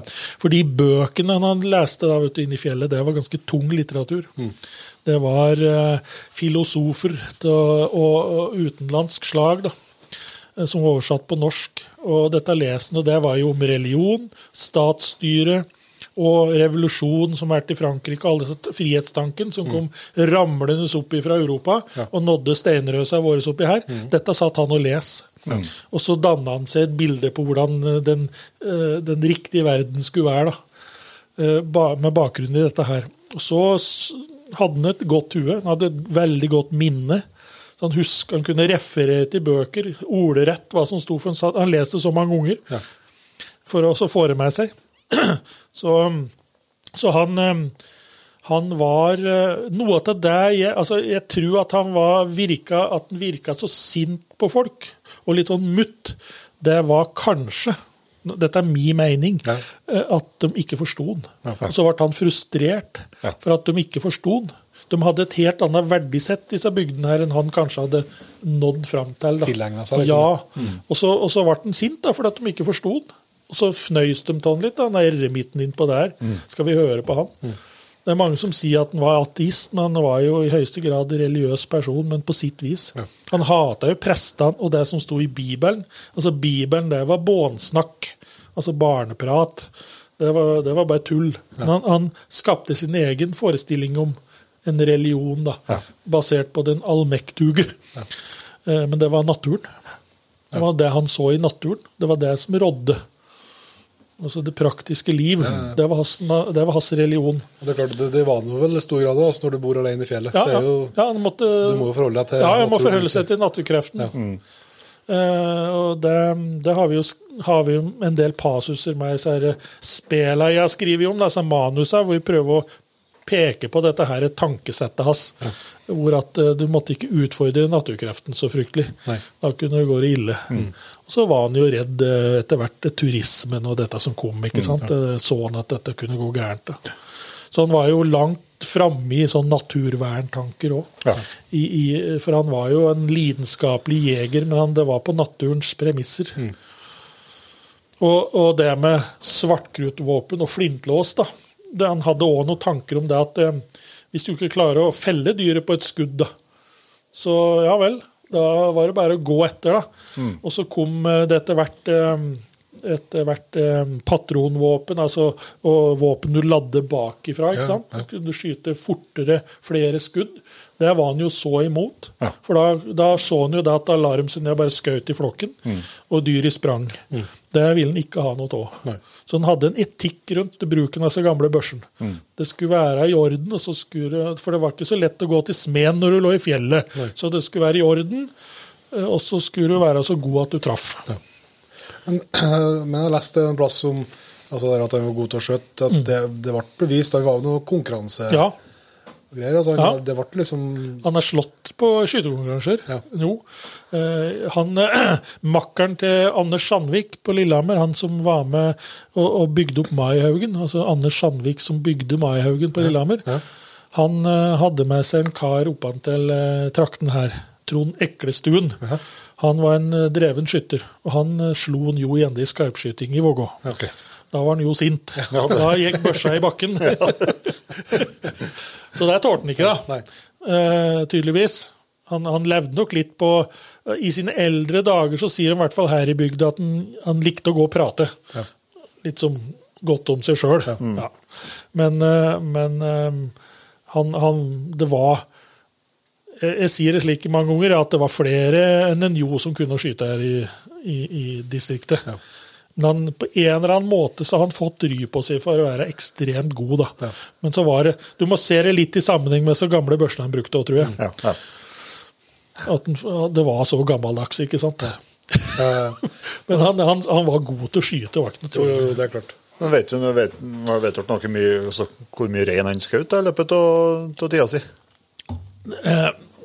Det, er- det er vel et tall på 600, som er regna opp i et snitt på 20 per år Ja. i en aktiv perioden hans. Eh, og det er umulig å få verifisert. Klart det. klart det. Men eh, at, de, at han la ned en 20 dyr i året, det gjorde han nok sikkert. Ja. Han gikk jo Han var jo Han lå jo i fjellet. Ja, ja. Det var utvilsomt eh, sprek og Ja, sprek kar. Ja, Ja, og det, det, det har jeg håndfaste bevis på i forhold til disse her eh, folka som Vi skal komme inn på det nå, disse her engelskmennene som kommer mot den. da. Ja. Hvor de ser den og opplever den. De ser jo på han som en The Old Hunter. Joe the Old, old Hunter. Eh, er Men han, er, han går jo fletta av dem. Ja. ja, for det er noen det er engelske adelsfolk, skal jeg si, Ja, som, ja, som, er ja, på, ja. som er på eventyrsreisa. Det første som skjer da, vet du, etter disse åtte åra som, som eneboer inn inne ved Gjende, så, så kommer en Jakob eh, hos sin venn Jo og er litt fortvila over lynnet hans. da. Det har blitt litt vanskelig. og, men så vet en, eh, Jakob da, at en Jo har en del eh, penger. Eh, det er et tema vi ikke har snakka om, denne fedrifta. Men han, Jo har lagt seg opp en del penger. Det er Fedrifta hva, Ja, vi kan ta det. Ja, altså vi henger med. Ja, nei, altså som, eh, han, han får jo trøbbel da, vet du, i, eh, på gården Hæringstad, og det ser jo av tante Mari. Og, men i stedet for å jage han, da, som, som, som det ble etter hvert, så, ut, så får han jo låne penger av ah, tante Mari. Ja. Og så får han prøve seg som fekar. Og det var et system eh, for å få overskuddsproduksjonen på gårda her til Kristiania. Altså Det var fe, faste fekarer som kjøpte opp dyr fra husmenn til storgard. Og så ble det levert inn på en, et fast sted om våren. Eh, I dette tilfellet så var det oppe i Vågå. Eh, På Sonde gard i Vågå så ble, eh, sanken Da kom budeia med kua si, det var gardbrukere som kom med noe overfløtsdyr som skulle leveres. da. Og så var det fekara som tok denne flokken der inn i fjellet, på beite. Okay. Så, og inni her så var det Leirungsdalen som ble brukt. Altså, det inn på Valdresflya. Som, som gårdbrukerne som ikke hadde kapasitet til å ta sjøl. Ja. Han Som skulle selges som slakt. Han var gjeter, gjeter på Ja, dyrene Ja, da, da kjøpte han opp uh, dyr. Var med seg her. Det var jo mange sånne kjente folk da, som var fekarer. Han var, var en unggutt. For det var ofte nummer to i arverekka på så store gårder som fikk prøve seg som fekar. Nok om det. De har dyra sine inn i Leirungsdalen på sommeren. Og rundt 1.9 så begynner de å gå med flokken ned til Kristiania. Fjellvegen. Ja, 14 dager. Og da har de med seg slaktehester til å bære utstyr og slik. de trenger. Så går de med dem til Kristiania, selger dem, og så er opp igjen til Gudbrandsdalen, Mjøsa, Skiplander, når det kom, og tilbake. Dette drev en jo med i unge år. Ja. Som jeg sa innledningsvis, her er et levd liv. Da la han seg opp en god del penger med dette. Ja. Så dette vet en Jakob. Og så sier Jakob da inne ved Gjendeosen en kveld at du skal få kjøpe en gard til meg, jo. Jeg har ei Kvilingseter nede i Heidal. Du skal få kjøpt billig. Og etter sikkert mye akkedering så går han jo med på det. Og kjøper denne setra, som heter Brurusten. Aha. Og da er det, dette her i 1850. Da begynner et nytt liv. Da kjøper en garn, riv alle husene nedpå der, det var bare noen sånne dårlige greier. Så begynner han å sette i gang jobb med å bygge opp igjen en helt ny gard. Ja. Den garden står i dag i dag. Det. Her i bygda, ja. Ja. Så da er han pendler. Da administrerer han bygging av garn og bor der tidvis litt.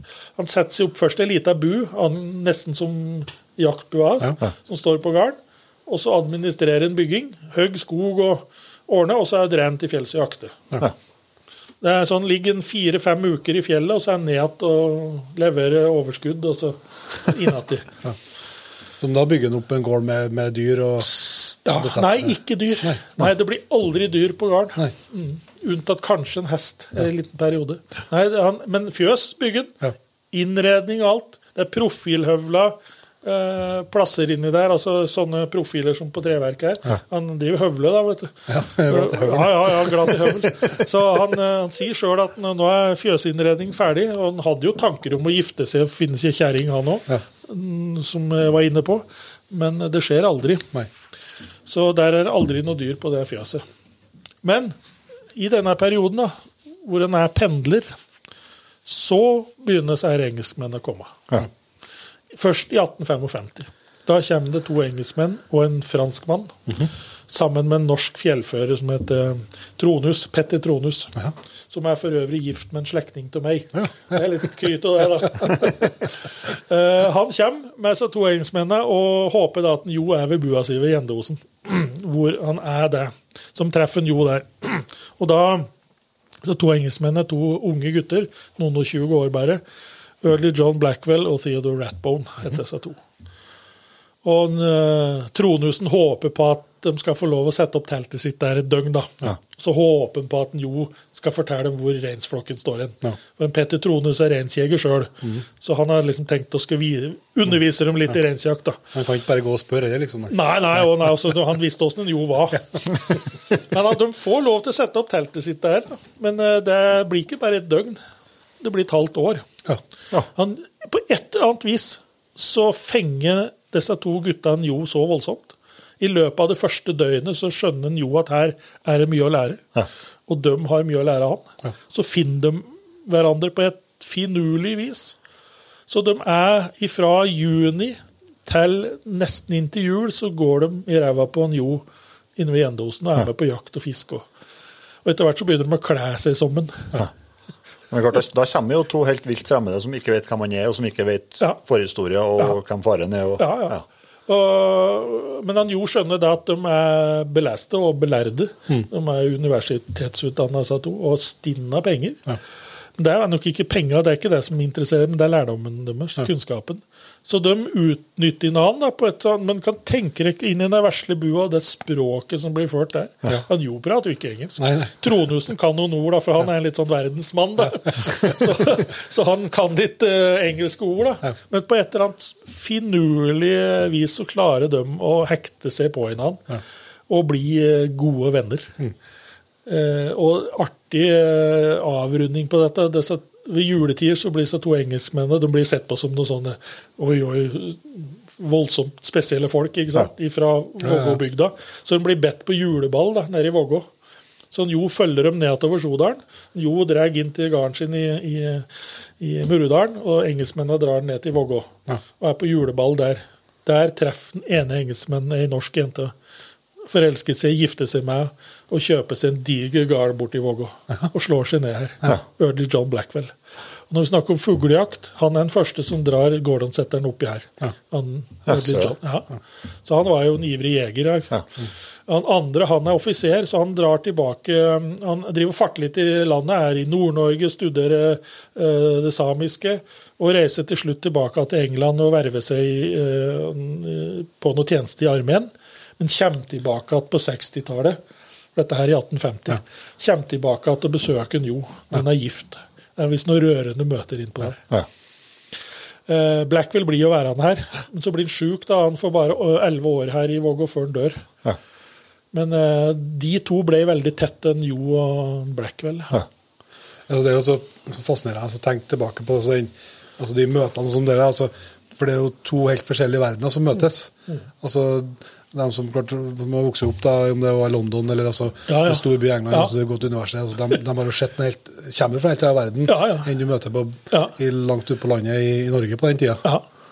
Det er jo Ja, det er, det er, ja, ja. Jeg må jo ta med en bihistorie her, da, som jeg har prøvd å finne litt mer ut av, men som da stoppa seg litt opp pga. Eh, franskmennene sin uvilje til å se på sanninga. Kanskje litt stygt, stygt sagt, men det er lite franskmenn som er oppe gjengen på Odensjø, det. Nei, det er eh, Altså, han eh, Han følgesvennen til disse to engelskmennene, han heter Balma. Og han kommer fra Chamonix. Og det viser seg at han, han blir omtalt i norske bøker som tjeneren til disse to engelske mennene. Men han er jo egentlig fjellfører og driver og klatrer i fjellene i Chamonix. Ja. Og, og det viser seg at uh, han nei, han um, Blackwell har vært i Chamonix han, året før han kommer hit. Og hyra med seg han karen her som fjellfører for dem. Reiseleder, altså. Reiseleder, da. Han var egentlig reiseleder. da. Men så viser det seg at han, der, han er en gløgg fyr, han der Balma. vet du. Så når han kommer oppi her, da, så blir han interessert i skiløpning, da. Av alle ting. Og de er jo såpass lenge oppi her at, eh, at de får oppleve vinteren. da. Så bare rene tilfeldigheter. Så kommer jeg borti ei bok fra Espedalen, hvor det var gruvedrift. Engelskmenn som drev. Så det er plutselig gjennom en sånn helt tilfeldighet Jeg leser ei bok som jeg har blitt anbefalt, så er det en engelskmann som møter han Balma på tur hjem til Chamonix. Dette er året etterpå, om våren. Da kommer han med en slede full av norske ski og staver. Og blir spurt hva skal du med dette her. ikke sant? Ja, jeg skal tilbake til Chamonix og lære folk å gå på ski. Da har han lært. Og hvem har vært læremesteren hans? Jo, han med røde topplua. Da går det altså et skispor da, vet du, fra Gjendosen til Chamonix. Og så var det store spørsmålet klarer vi å dokumentere dette her. Ja. Og det har jeg prøvd. I alle mulige retninger med forskjellige både ambassader og diplomater og greier. Men jeg får ikke, de vil ikke Være med på at det er en franskmann som har vært oppi her i 1855-56, som kommer tilbake til Chamonix. For det viser seg at det er en fransk lege som har fått æren av å innføre skisporten i Chamonix noen år seinere. Ja. Og dette er det som er sanninga. Så jeg har møtt det er bare De var veldig ivrige til å begynne med, og så slamra det igjen noen dører. De å demre for dem hva det kunne bety? Ja. Ja, for de måtte skrive om historien sin. Og det innrømte de, da. Hvis dette er sant, sier de, så må vi skrive om historie. Ja, så skriv om. Men da, jeg har ikke kommet i mål. Men eh, jeg har stadig vekk noen folk som er nedover og prøv, prøv. Så det, mitt store mål er å få hørt på denne byllen der hvor jeg kan liksom stadfeste ja, det er skisporet nådde fram ifra Jo Gjende. Ja. Du nevnte den røde topphuva som, eh, som man er litt kjent for. Men hva- resten av klærne til Jo og sånne, hva Ja, det ble vel kasta sikkert, for det var nok ikke Det fantes en dress i Vågå etter den. Ja. Eh, Den ble rydda vekk i vannvarer. var et eh, salg av et hus hvor den dressen var oppbevart, og så tok de og kasta det. Ja. Det fins ei jakke etter den, ei skinnjakke i Vågå. Når det skinner, er det reinskinn? Ja. Ja, sannsynligvis ja. reinskinn. Ja. Flott, var- kort jakke. Ja, for det var for at det var ikke bare kjøttet som ble benytta? Nei, og, de, de sier det at altså, bildene jo, da sitter han jo i vømmersdress. Og han brukte det liksom i fritid, og når han var i fjellet. Men når han var på jakt, så brukte han semska skinn, visstnok. Ja. Ja. Men der fins det ikke noe annet enn den jakka. Nei. Og lua. Og så har jeg et belte etter den. Eh, som er veldig dårlig, men eh, jeg har fått uh, laga en kopi så jeg kan bruke til bunaden min, blant annet. Uh, ellers er det ikke noe annet enn eh, våpen og møbler og slik. Men huva, den eh, Ja, den er i høyeste grad levende. Da, og, Den viderefører og, og, ja, den viderefører jeg, og originalen er jo i Vågå. Ja. Og den er ikke rein. å si sånn. så, og, Og den, den går ikke å høvle, det der. Nei, nei, nei. nei. Og den ble nok i Vågå fordi at den er gravlagt i Vågåen. eh, Jo, også gravølet var holdt i Vågå. Da ble Han var vel frakta over med lua på, tenker jeg, og så tok de meg til, vil jeg tro. Så, ja. Vi skal se litt mer om eh, både slutten på livet og, Ja. og fritenkeren. Men Ja. det noe, er noe sånn, har du noe ja, jakthistorier fra reinsjakt eller noe som du tenker vi kunne ha tatt med oss? Ja, altså det, Noe spesifikke har jeg ikke, men han har, han har, det er jo så her lange turer hans, da. Ja. Eh, hvor det er en reinsbukk inne ved Gjendebu som han eh, kommer på på morgenen. En tidlig morgen. Da har han nok ligget i Vågåbui, da. Ja. Og det er ved Gjendetunga. Han kommer på den flotte bukken. Eh, men så glir rifla av stå steinen, for den skyter alltid med anlegg enn jo. Ja. Den er helt håpløs å skyte med seg børsen, sånn sett, så den må, må ha anlegg. Og klare å, å skarskyte den, og bukken stikker til fjells, og den jo etter, da. Og det går i tre døgn innover fjellet der, opp og ned berghammeret og ned igjen, og han ender inn ved Eidsbugaren, uh, hvor han får lagt ned bukken. Og da treffer han da en Da har han gått i tre døgn uten mat, og sikkert rimelig sulten. Hvor den da treffer en, eh, en, en kar, lokal kar da, som eh, som en kjente. For det var egentlig folk fra den sida, da, lå de jo i evig strid med Vagværet om da, når det gjaldt jaktrettigheter. For over på Valdres side, så Wellersen ble jo kalt for Korp. og det var manndrap i fjellet her under jakt. Oi, det var såpass, ja, ja, for de, Hvis du skjøt dyret på feil side, så kom Valdrisen og hevda de skulle ha del av kjøttet. da. Og hvis du da nekta, så kunne det bli håndgemeng. Og det var drap inne i fjellet her. Jo Hai har nok ikke drept folk, men han har nok vært i håndgemeng, ja. Eh, og, og han treffer jo han Wellersen ved Eidsbugarden, men uh, han kjente til han. Og, og etter litt prat så fikk han litt av nistehast, da. Ja. Sånn berga. Så nei, altså noen sånne spesifikke, sånne gode jakthistorier er egentlig ikke det står så mye om. Annet enn det er, det er eh, utredninger om lange turer uten mat. Det er der det liksom går. Eh, og så var han, eh, når det gjaldt fiske, så var han jo veldig snill. Han hang igjen fisken på budører hvor han visste det var folk om. Så gikk han ofte ned om natta. Og da hang han på fiskeknippet på budører hvor han visste det var folk. Ja, han bare ga bort. Ja. Så det var mer dette her, det er mer dette her med den bukkejakta uh, og, og, og, og turer inn i fjellet som lå vanskelig til. Men det er ikke noe, det ikke noe dramatiske jakthistorier som er nedskrevet som jeg kjenner til. Nei, nei. Det er bare det at det var helst bukk. Og de sier jo da at han var så nitidig i en av bukkjakta at det gikk utover produksjonen av dyr. da. Han tok produksjonsdyra, sier de, da. Liksom. Det er hvert fall, han er en, eh, de sier det er i hvert fall går et gjeteord om at eh, bukkejaktas bukkejakta jo var en del av reinsflokken, villreinen jeg gikk ned. da. For det, det, det gikk ned. Eh, Stamma var vanskelig å få tak på og finne dyra til slutt. Men det var mange faktorer, og bl.a. turismen, som gjorde at de, eh, de trakk vekk. Det endret, endret, Ja, endra trekkruter, og de eh, ble mer sky, kanskje. Så Der var han jo veldig, eh, veldig grinete på han jo, dette med turismen som kom, landmålingsprosjekter som kom, ikke sant. Veier som ble utbedra og bygd. Den tida så var det bare rideveier i fjellet her. Nå er jo, nå er det jo nesten autostradarer. Og så var det jo masse turisme, da. Men altså, disse engelskmennene som en hadde besøk av, det kom jo en i, i 59 og en på 60-tallet som, eh, som en ble godt kjent med. En som heter Windham, som gjorde en voldsom runde inn i fjellet her. og har skrivet, Det er en bok som dere bør lese, 'Villmarkslivet i norske fjell'. Der er en Jo Gjende beskrevet. jeg, jeg har vært og reist rundt hele ruta hans Windham, da. Ifra han kom i land i Bergen til han havna oppe på Gjendosen. Eh, var med på bjørnejakt i Hardanger og voldsomt Men for han her altså, fungerte han litt som los? En, eh, Ja. igjen, da. ja. fjellfører. Eh, og vi kan jo si en, en artig sånn historie om jakt da, og Bamford. Det kom i, på 60-tallet, så det var en Windham som dro den opp på Gjendosen. Men eh, en som titulerte seg som lord Bamford. Han var ikke lord, men han var mye, hadde mye penger. Vi har tenkt seg ordet, sikkert. da. Ja. og han hadde visstnok et stort hus borti England, eh, og derav så brukte han tittelen lord. Men eh, nok om det. Han kom til Gjendosen eh, og ble presentert for en Jo Gjende. Og ble hyra inn som, en Jo ble hyra inn som fjellfører, da. Men han Bamford han var litt sånn, sånn klassisk engelsk ovenfra ned-type. Så alt av nordmenn det ble sett ned på. Sjøl en Jo, vil jeg tro.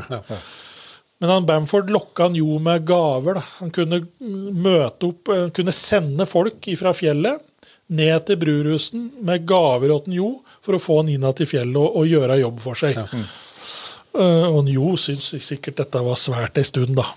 Men så begynte han å bli litt sånn ekstrem, han Bamford, når det gjelder jaktutøvelse. For han skulle skyte flere dyr med et skudd.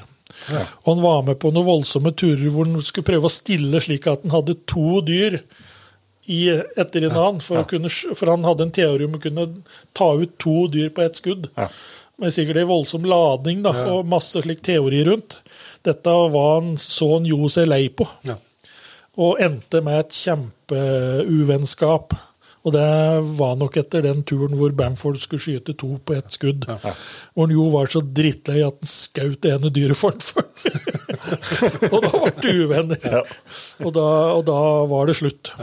Men da var det gått så langt at en Jo hadde egentlig signert, eller i hvert fall lova seg bort, å, være fjellfører for Bamford, for han kjøpte Sikkersdalen, han, Bamford. Okay. hele dalen. Og Jo skulle være fjellfører for turisme i Sikkersdalen. Det ble aldri noe tap pga. den episoden. Så, så, så, så det, var, det, var, begge deler med disse her engelske, engelske folka. Eh, men i utgangspunktet så, så holdt den av dem, helt til det motsatte var bevisst.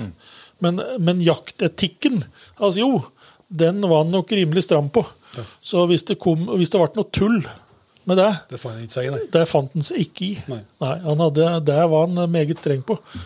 Så, så ja, det, er jo en det, det, Men det stemmer noe godt overens med det du snakka om, altså, med den her hans form for religion, altså, ja, altså ja. med respekten for naturen og ja. viltet. Ja, det hadde sin, hadde sin, verdi. Ja, det er en sammenheng. Ja, det er en sammenheng, og det, det, skulle, det skulle, holdes.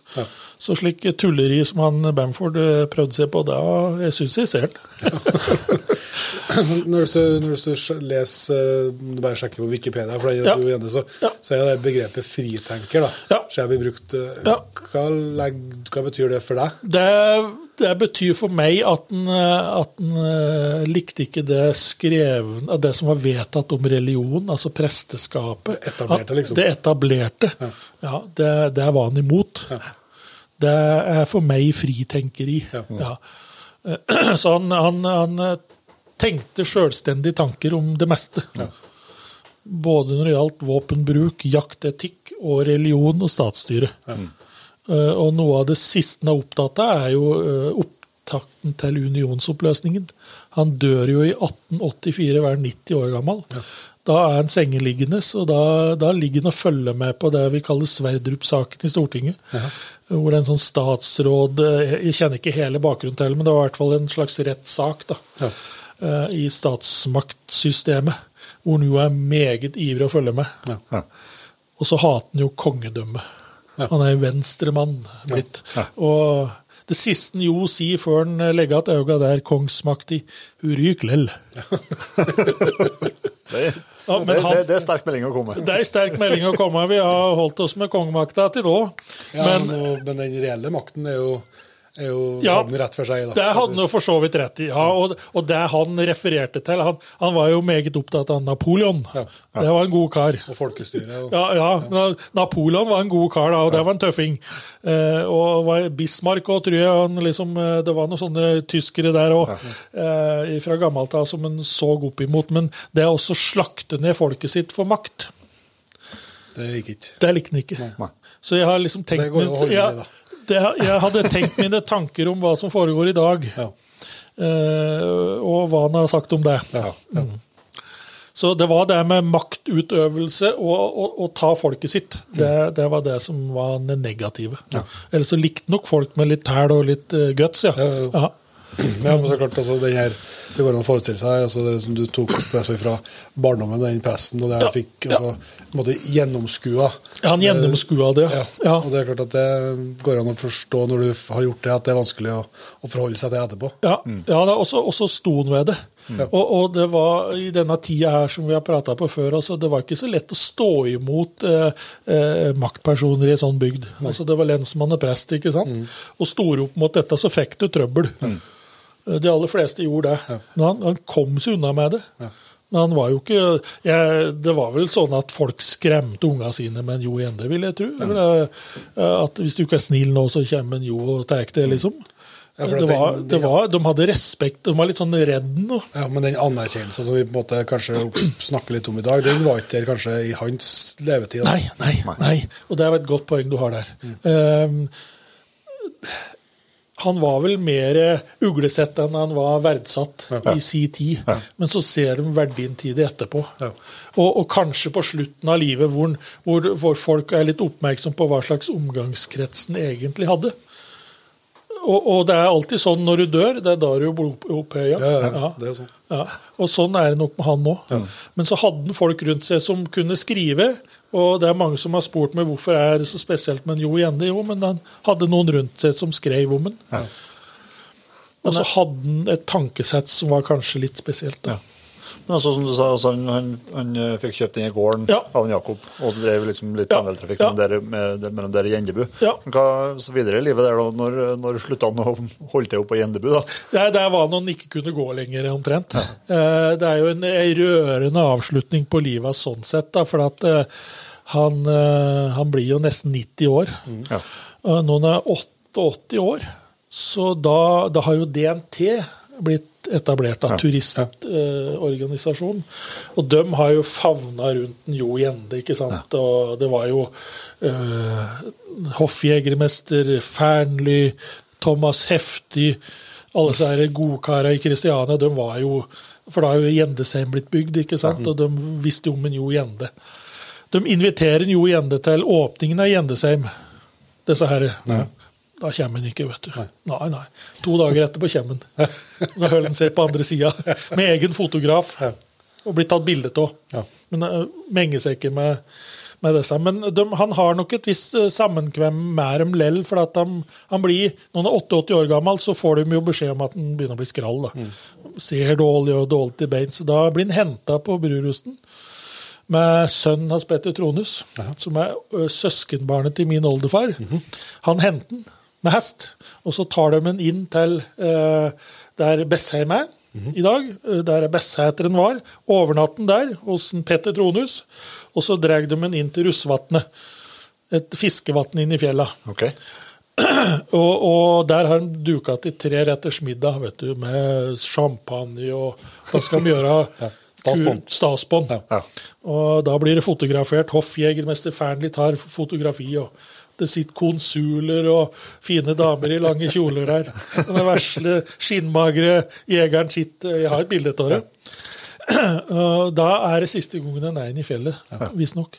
Og da, da tar vel imot og syns nok dette er svært sjøl. Og han eh, skal være med da en Jens Tronos framatover. Sannsynligvis vil han se om bua si. Ja. Jeg vil tro det. Han har nok ikke vært inn der på noen år. Så når de kommer ifra, uh, ifra Russvatnet opp og står på åsen og ser ned på det som er Bessheim i dag, så har han jo blitt helt stille, sier de. Eller en Jens Tronus som har sett dette her, da. Uh, og så snur han seg rundt, og så tar han av seg rødhua. Uh, og så sier han noe slik som at ja, jammen er fjella fine i dag, Jens. Er det siste gangen jeg ser dere, for dere takk. Og så hører vi ikke noe mer av hva som skjer. Men heldigvis er en Jens såpass var at han får notert seg litt hva som skjer, denne, for han er stille denne dagen. To år etterpå er han borte. Ja, det blir jo, blir blir jo klump i i dag. ikke Ja, sant? ja. Du, det, er, det er spesielt altså, når du tenker hva slags type dette er, og når du har sett dette bildet. Jeg har en versjon, versjon på PC-en som er veldig skarpt. Ja. Eh, det, er, det er spesielt, ja. Og hva han har sett, hva han har opplevd. Og så er kan vi av, kanskje avrunde med Gjendine Slålin. eh, som var i- borti Griggen. Edvard Grieg. Hun var jo ei, sæterjente borte ved Gjendebu. Mora var jo budeie der, altså hadde holdt setra. Ja. Og etter hvert turisthytta. Uh, en Jo er vel en Han er over 80 år når han kommer roende med båten sin. Ja. Da skal han bort og se om Vågåbui. Eh, nord til. og ser at det ryker bort på setra. Ja. Han er sulten, så ror han bortpå der. Og den han treffer da, er ei fem år gammel lita jente som heter Kaja Gjendine Slålin. Av Gjendine, altså. Hun er bare ei lita jente. Men hun visste hvem en Jo var, ja. Og livredd. Men hun tar den jo meg opp i, opp i huset der de holder hus, da, og uh, mora er å mjølke geiten og kua, så hun er opptatt med det. Så han Jo får seg litt mat, og så legger han seg bak på en brisk og sovner. Og der sitter hun, vesle jenta, med den der spesielle legenden, da. Og er livredd. For hvis eh, halvparten av det hun har hørt om henne, er sant, så kommer det til å gå dårlig med. Den historia gjenforteller hun nå er 100 år, ble over 100 år gammel. Endelig, den fortalte hun da klokkeklart hele sitt liv. Det hadde satt inntrykk. Ja. Uh, hun kunne fortelle der fortøyde han båten sin. Der gikk han i land. Der lå han. Ja. Og jeg vet om andre historier som har truffet han jo på tur fra Vågå til Brurusten her. De glemmer det aldri, Nei. de som traff han. Han var så en sånn rank Han så ut som en indianerhøvding, sier de. Eh, Så han må ha vært det. Han har hatt ei utstråling som eh, sjelden. Altså, men tenk, tenk deg å leve det livet der og være så mye til fjells og drive med så mye Ja. ekstremt da, i forhold til, til jakta og med, Ja. med våpnene. Ja. Men aldri være for noe, noe dramatikk, som, som, i hvert fall som man vet om. da. Nei, ikke, ikke det, det, det sier sitt om hvor sinnssyk kunnskap og hvor lite sjanse han tar i fjellet. òg. Det er helt riktig. Eh, Det er jo mange som vil ha det til at jo var en sånn eh, som drev og klatra og kløyv i alle spisse topper og eh, sånn som vi liker å gjøre i dag. Ja. Han var ikke slik, sin, sin Ivar Kleiven. Han så ikke bryderi med å drive det. Nei. Han gikk der det var naturlig å gå. Eh, og tok aldri noen sjanser. Nei. Han var visstnok førstemann opp på Glittertind en høstdag og plante et reinshorn i, i snøbreen oppå der. Og så kom han ned til kompisen sin til jaktbu inn i Veådalen og sagt at nå har jeg, nå har jeg vært på høgste tiende gutt. Dagen etter så var kompisen borte. Og kom ned at om kvelden og kasta reinshornet bort ved beina på han. Jo, nå har jeg vært der, jeg òg, gutt. Så æren varte ikke lenge. Så nei da, men det var, nei, det var lite slik Det var lite slik Det, det er lite tullehistorie rundt den. Det er ei episode hvor den blir skjenkt full. Det er alt vi hører om alkoholtrøbbel med den. Ja, men vet vel han hvordan det går med. Ja, ikke sant? Han har sett det. Ja. Så jeg tror det satt hardt inn. Men da ble den skjenkt full, og ble ljugetid om at eh, bror hans hadde arva noe sølv som en jo skulle hatt. En. Men ellers så hører vi ikke noe om noe slik. Nei. Det kan ha vært, men det, det er i hvert fall ikke skrevet om, eh, om det. Nei. Eh, Det går noen stygge historier her nede i bygda om at den har stikket ut øynene på et hesteføll. Og, altså, men det tror jeg Kanskje han var uheldig og, og kom borti og ødela et øye altså under pløying. altså Jeg, jeg vet ikke, men jeg, jeg tror ikke det var, det var ikke noe ondt inn, Nei. slik jeg oppfatter det. Nei. Men han kanskje var uheldig, da, og så, og så, bygge dem opp i historie, ikke sant, som de gjerne gjør i sånn bygd. da. Ja, altså det, det stemmer jo ikke med resten av det vi hører om. eh, Nei, etikken nei og det, det moralen er det jeg sier, at jeg, jeg, jeg kjenner liksom ikke personen sånn etter å ha studert det. Nei.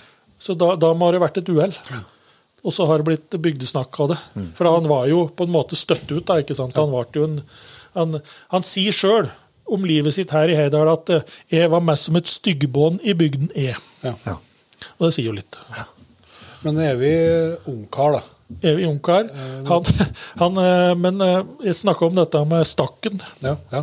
Han, eh, I 1830 så blir han stevna til en farskapssak. da. Ja.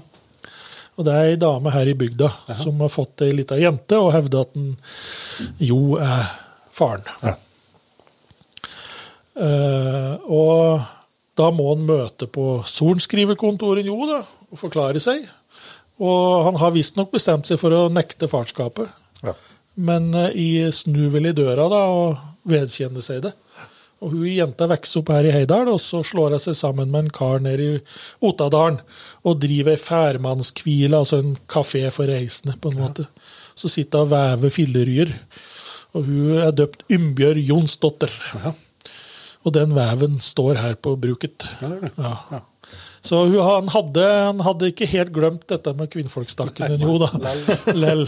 Og det, om, det tredje elementet i denne her kvinnfolkhistoria hans, er at uh, i Jeg tipper en 3-64.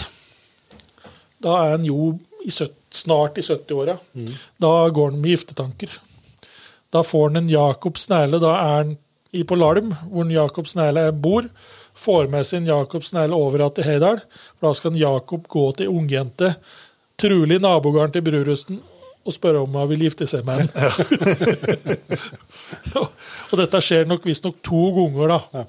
Men han, Ivar Kleven skriver det om far sin at uh, jeg er ikke sikker på at en far var der andre gangen.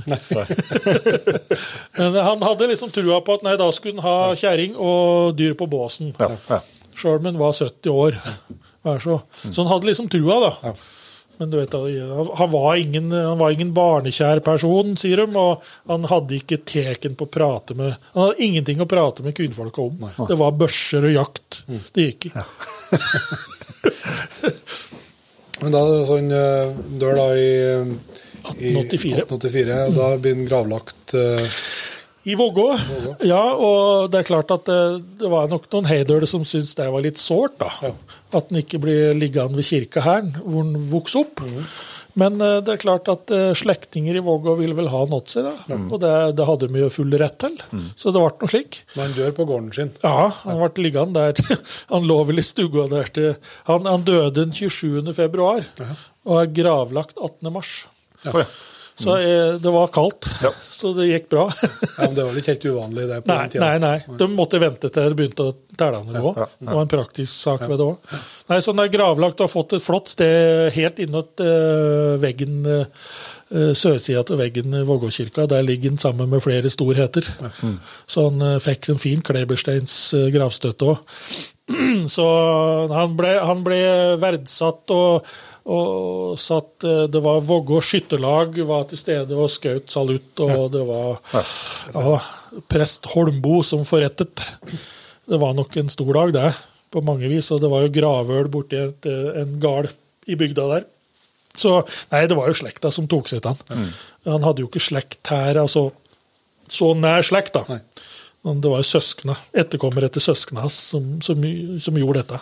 Men jeg, jeg vet jo det at det var noen som sikkert syntes det var rart at den ikke skulle ligge her. Da. Men, eh, og det har jo vært litt sånn vi kan, vi kan jo tulle litt med det. men Altså, det har jo vært litt sånn kiving mellom Vågå og Heidal ikke sant, om eh, hvem, som, hvem som skal eie historie her. Men eh, vi må jo bare dele på det. Det er klart. Han er født og døpt i Vågå, og han var vagvær.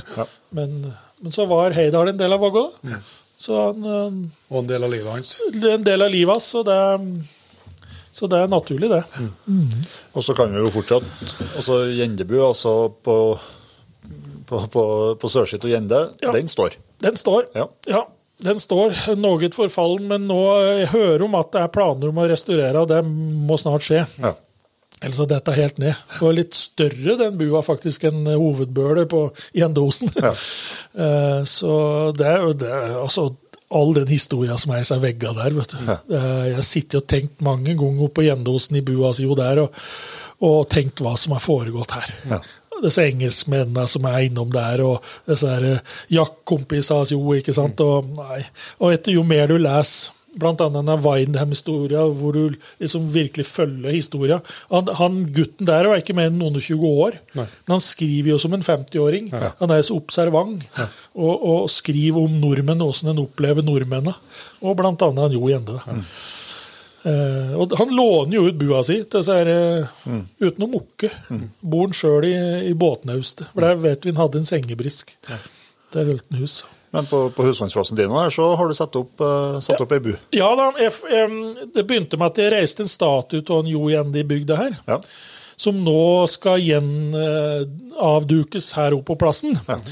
Eh, til våren, håper jeg. Eh, nei, så hadde jeg en idé om å bygge ei, en kopi av jaktbua Jo her i bygda.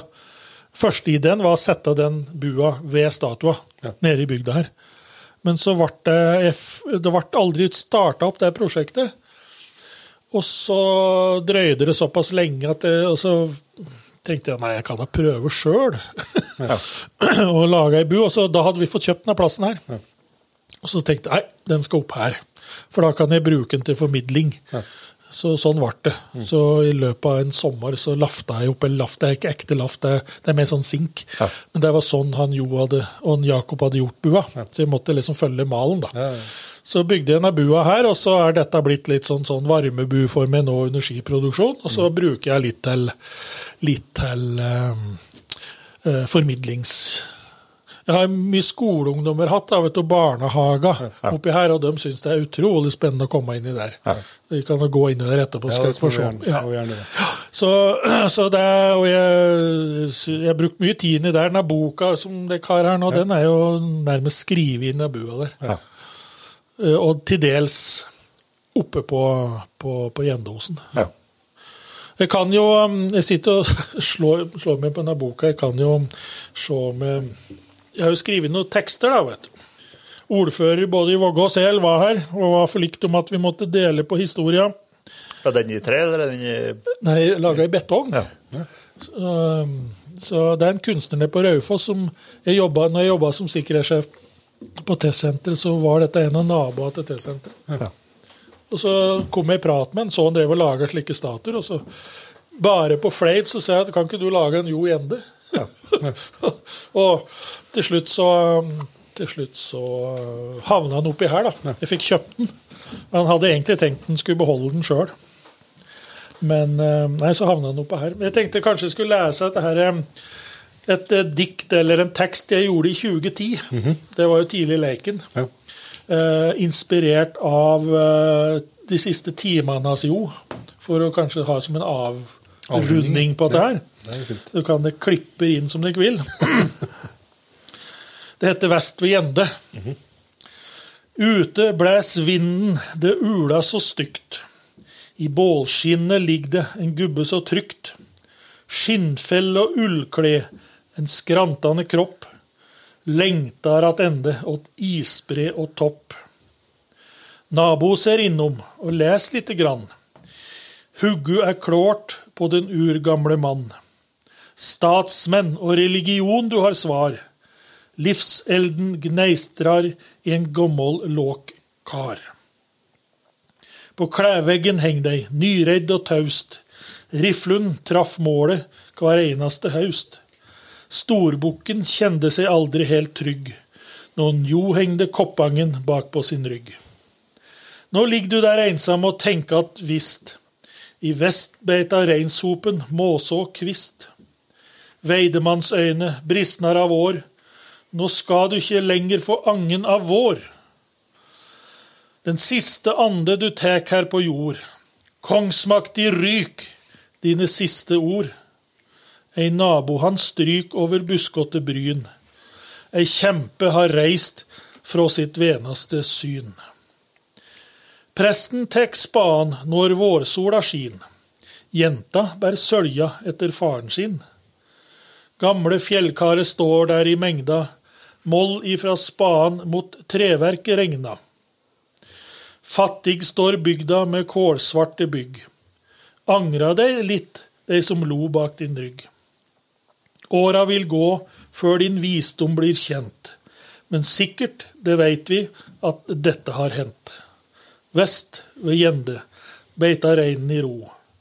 Hvor går vandringa nå, gamle Jo? Jeg tror ikke vi finner noe bedre måte å runde av på, gitt. Nei, jeg tror ikke det. Eh, Dette her har vært helt fantastisk.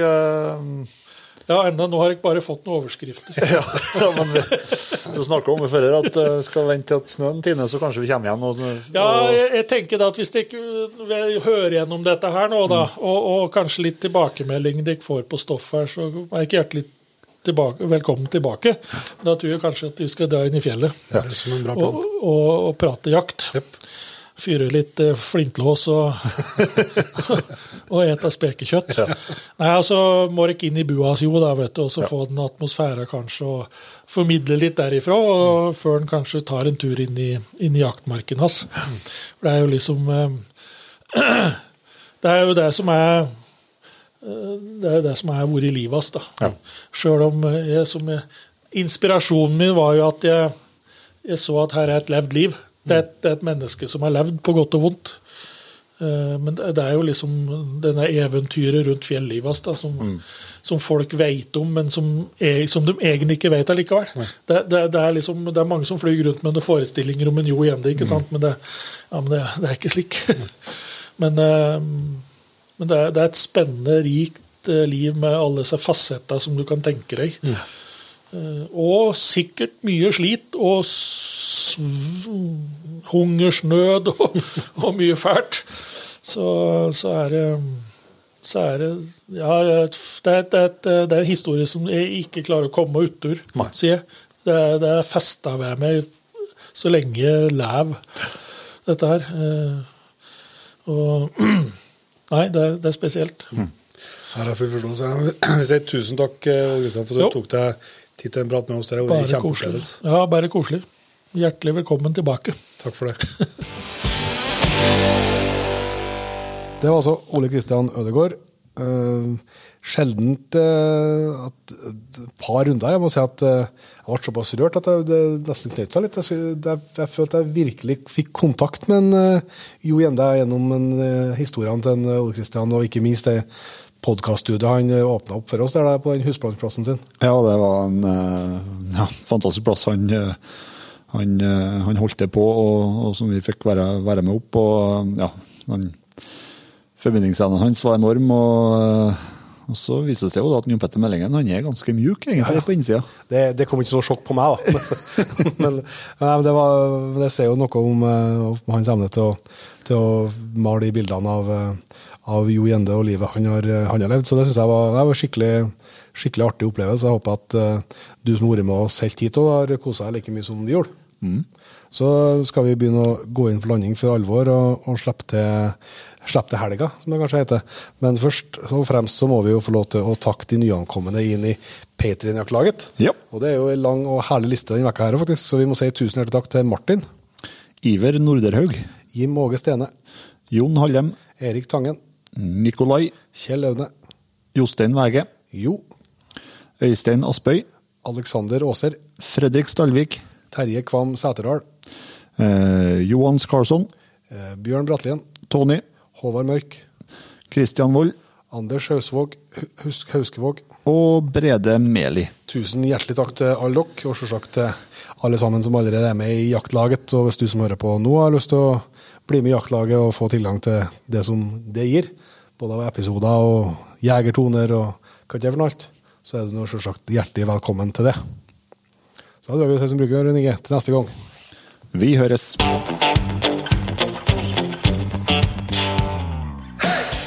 Tusen hjertelig takk for at du valgte å bruke litt av tida di på Jegerpodden.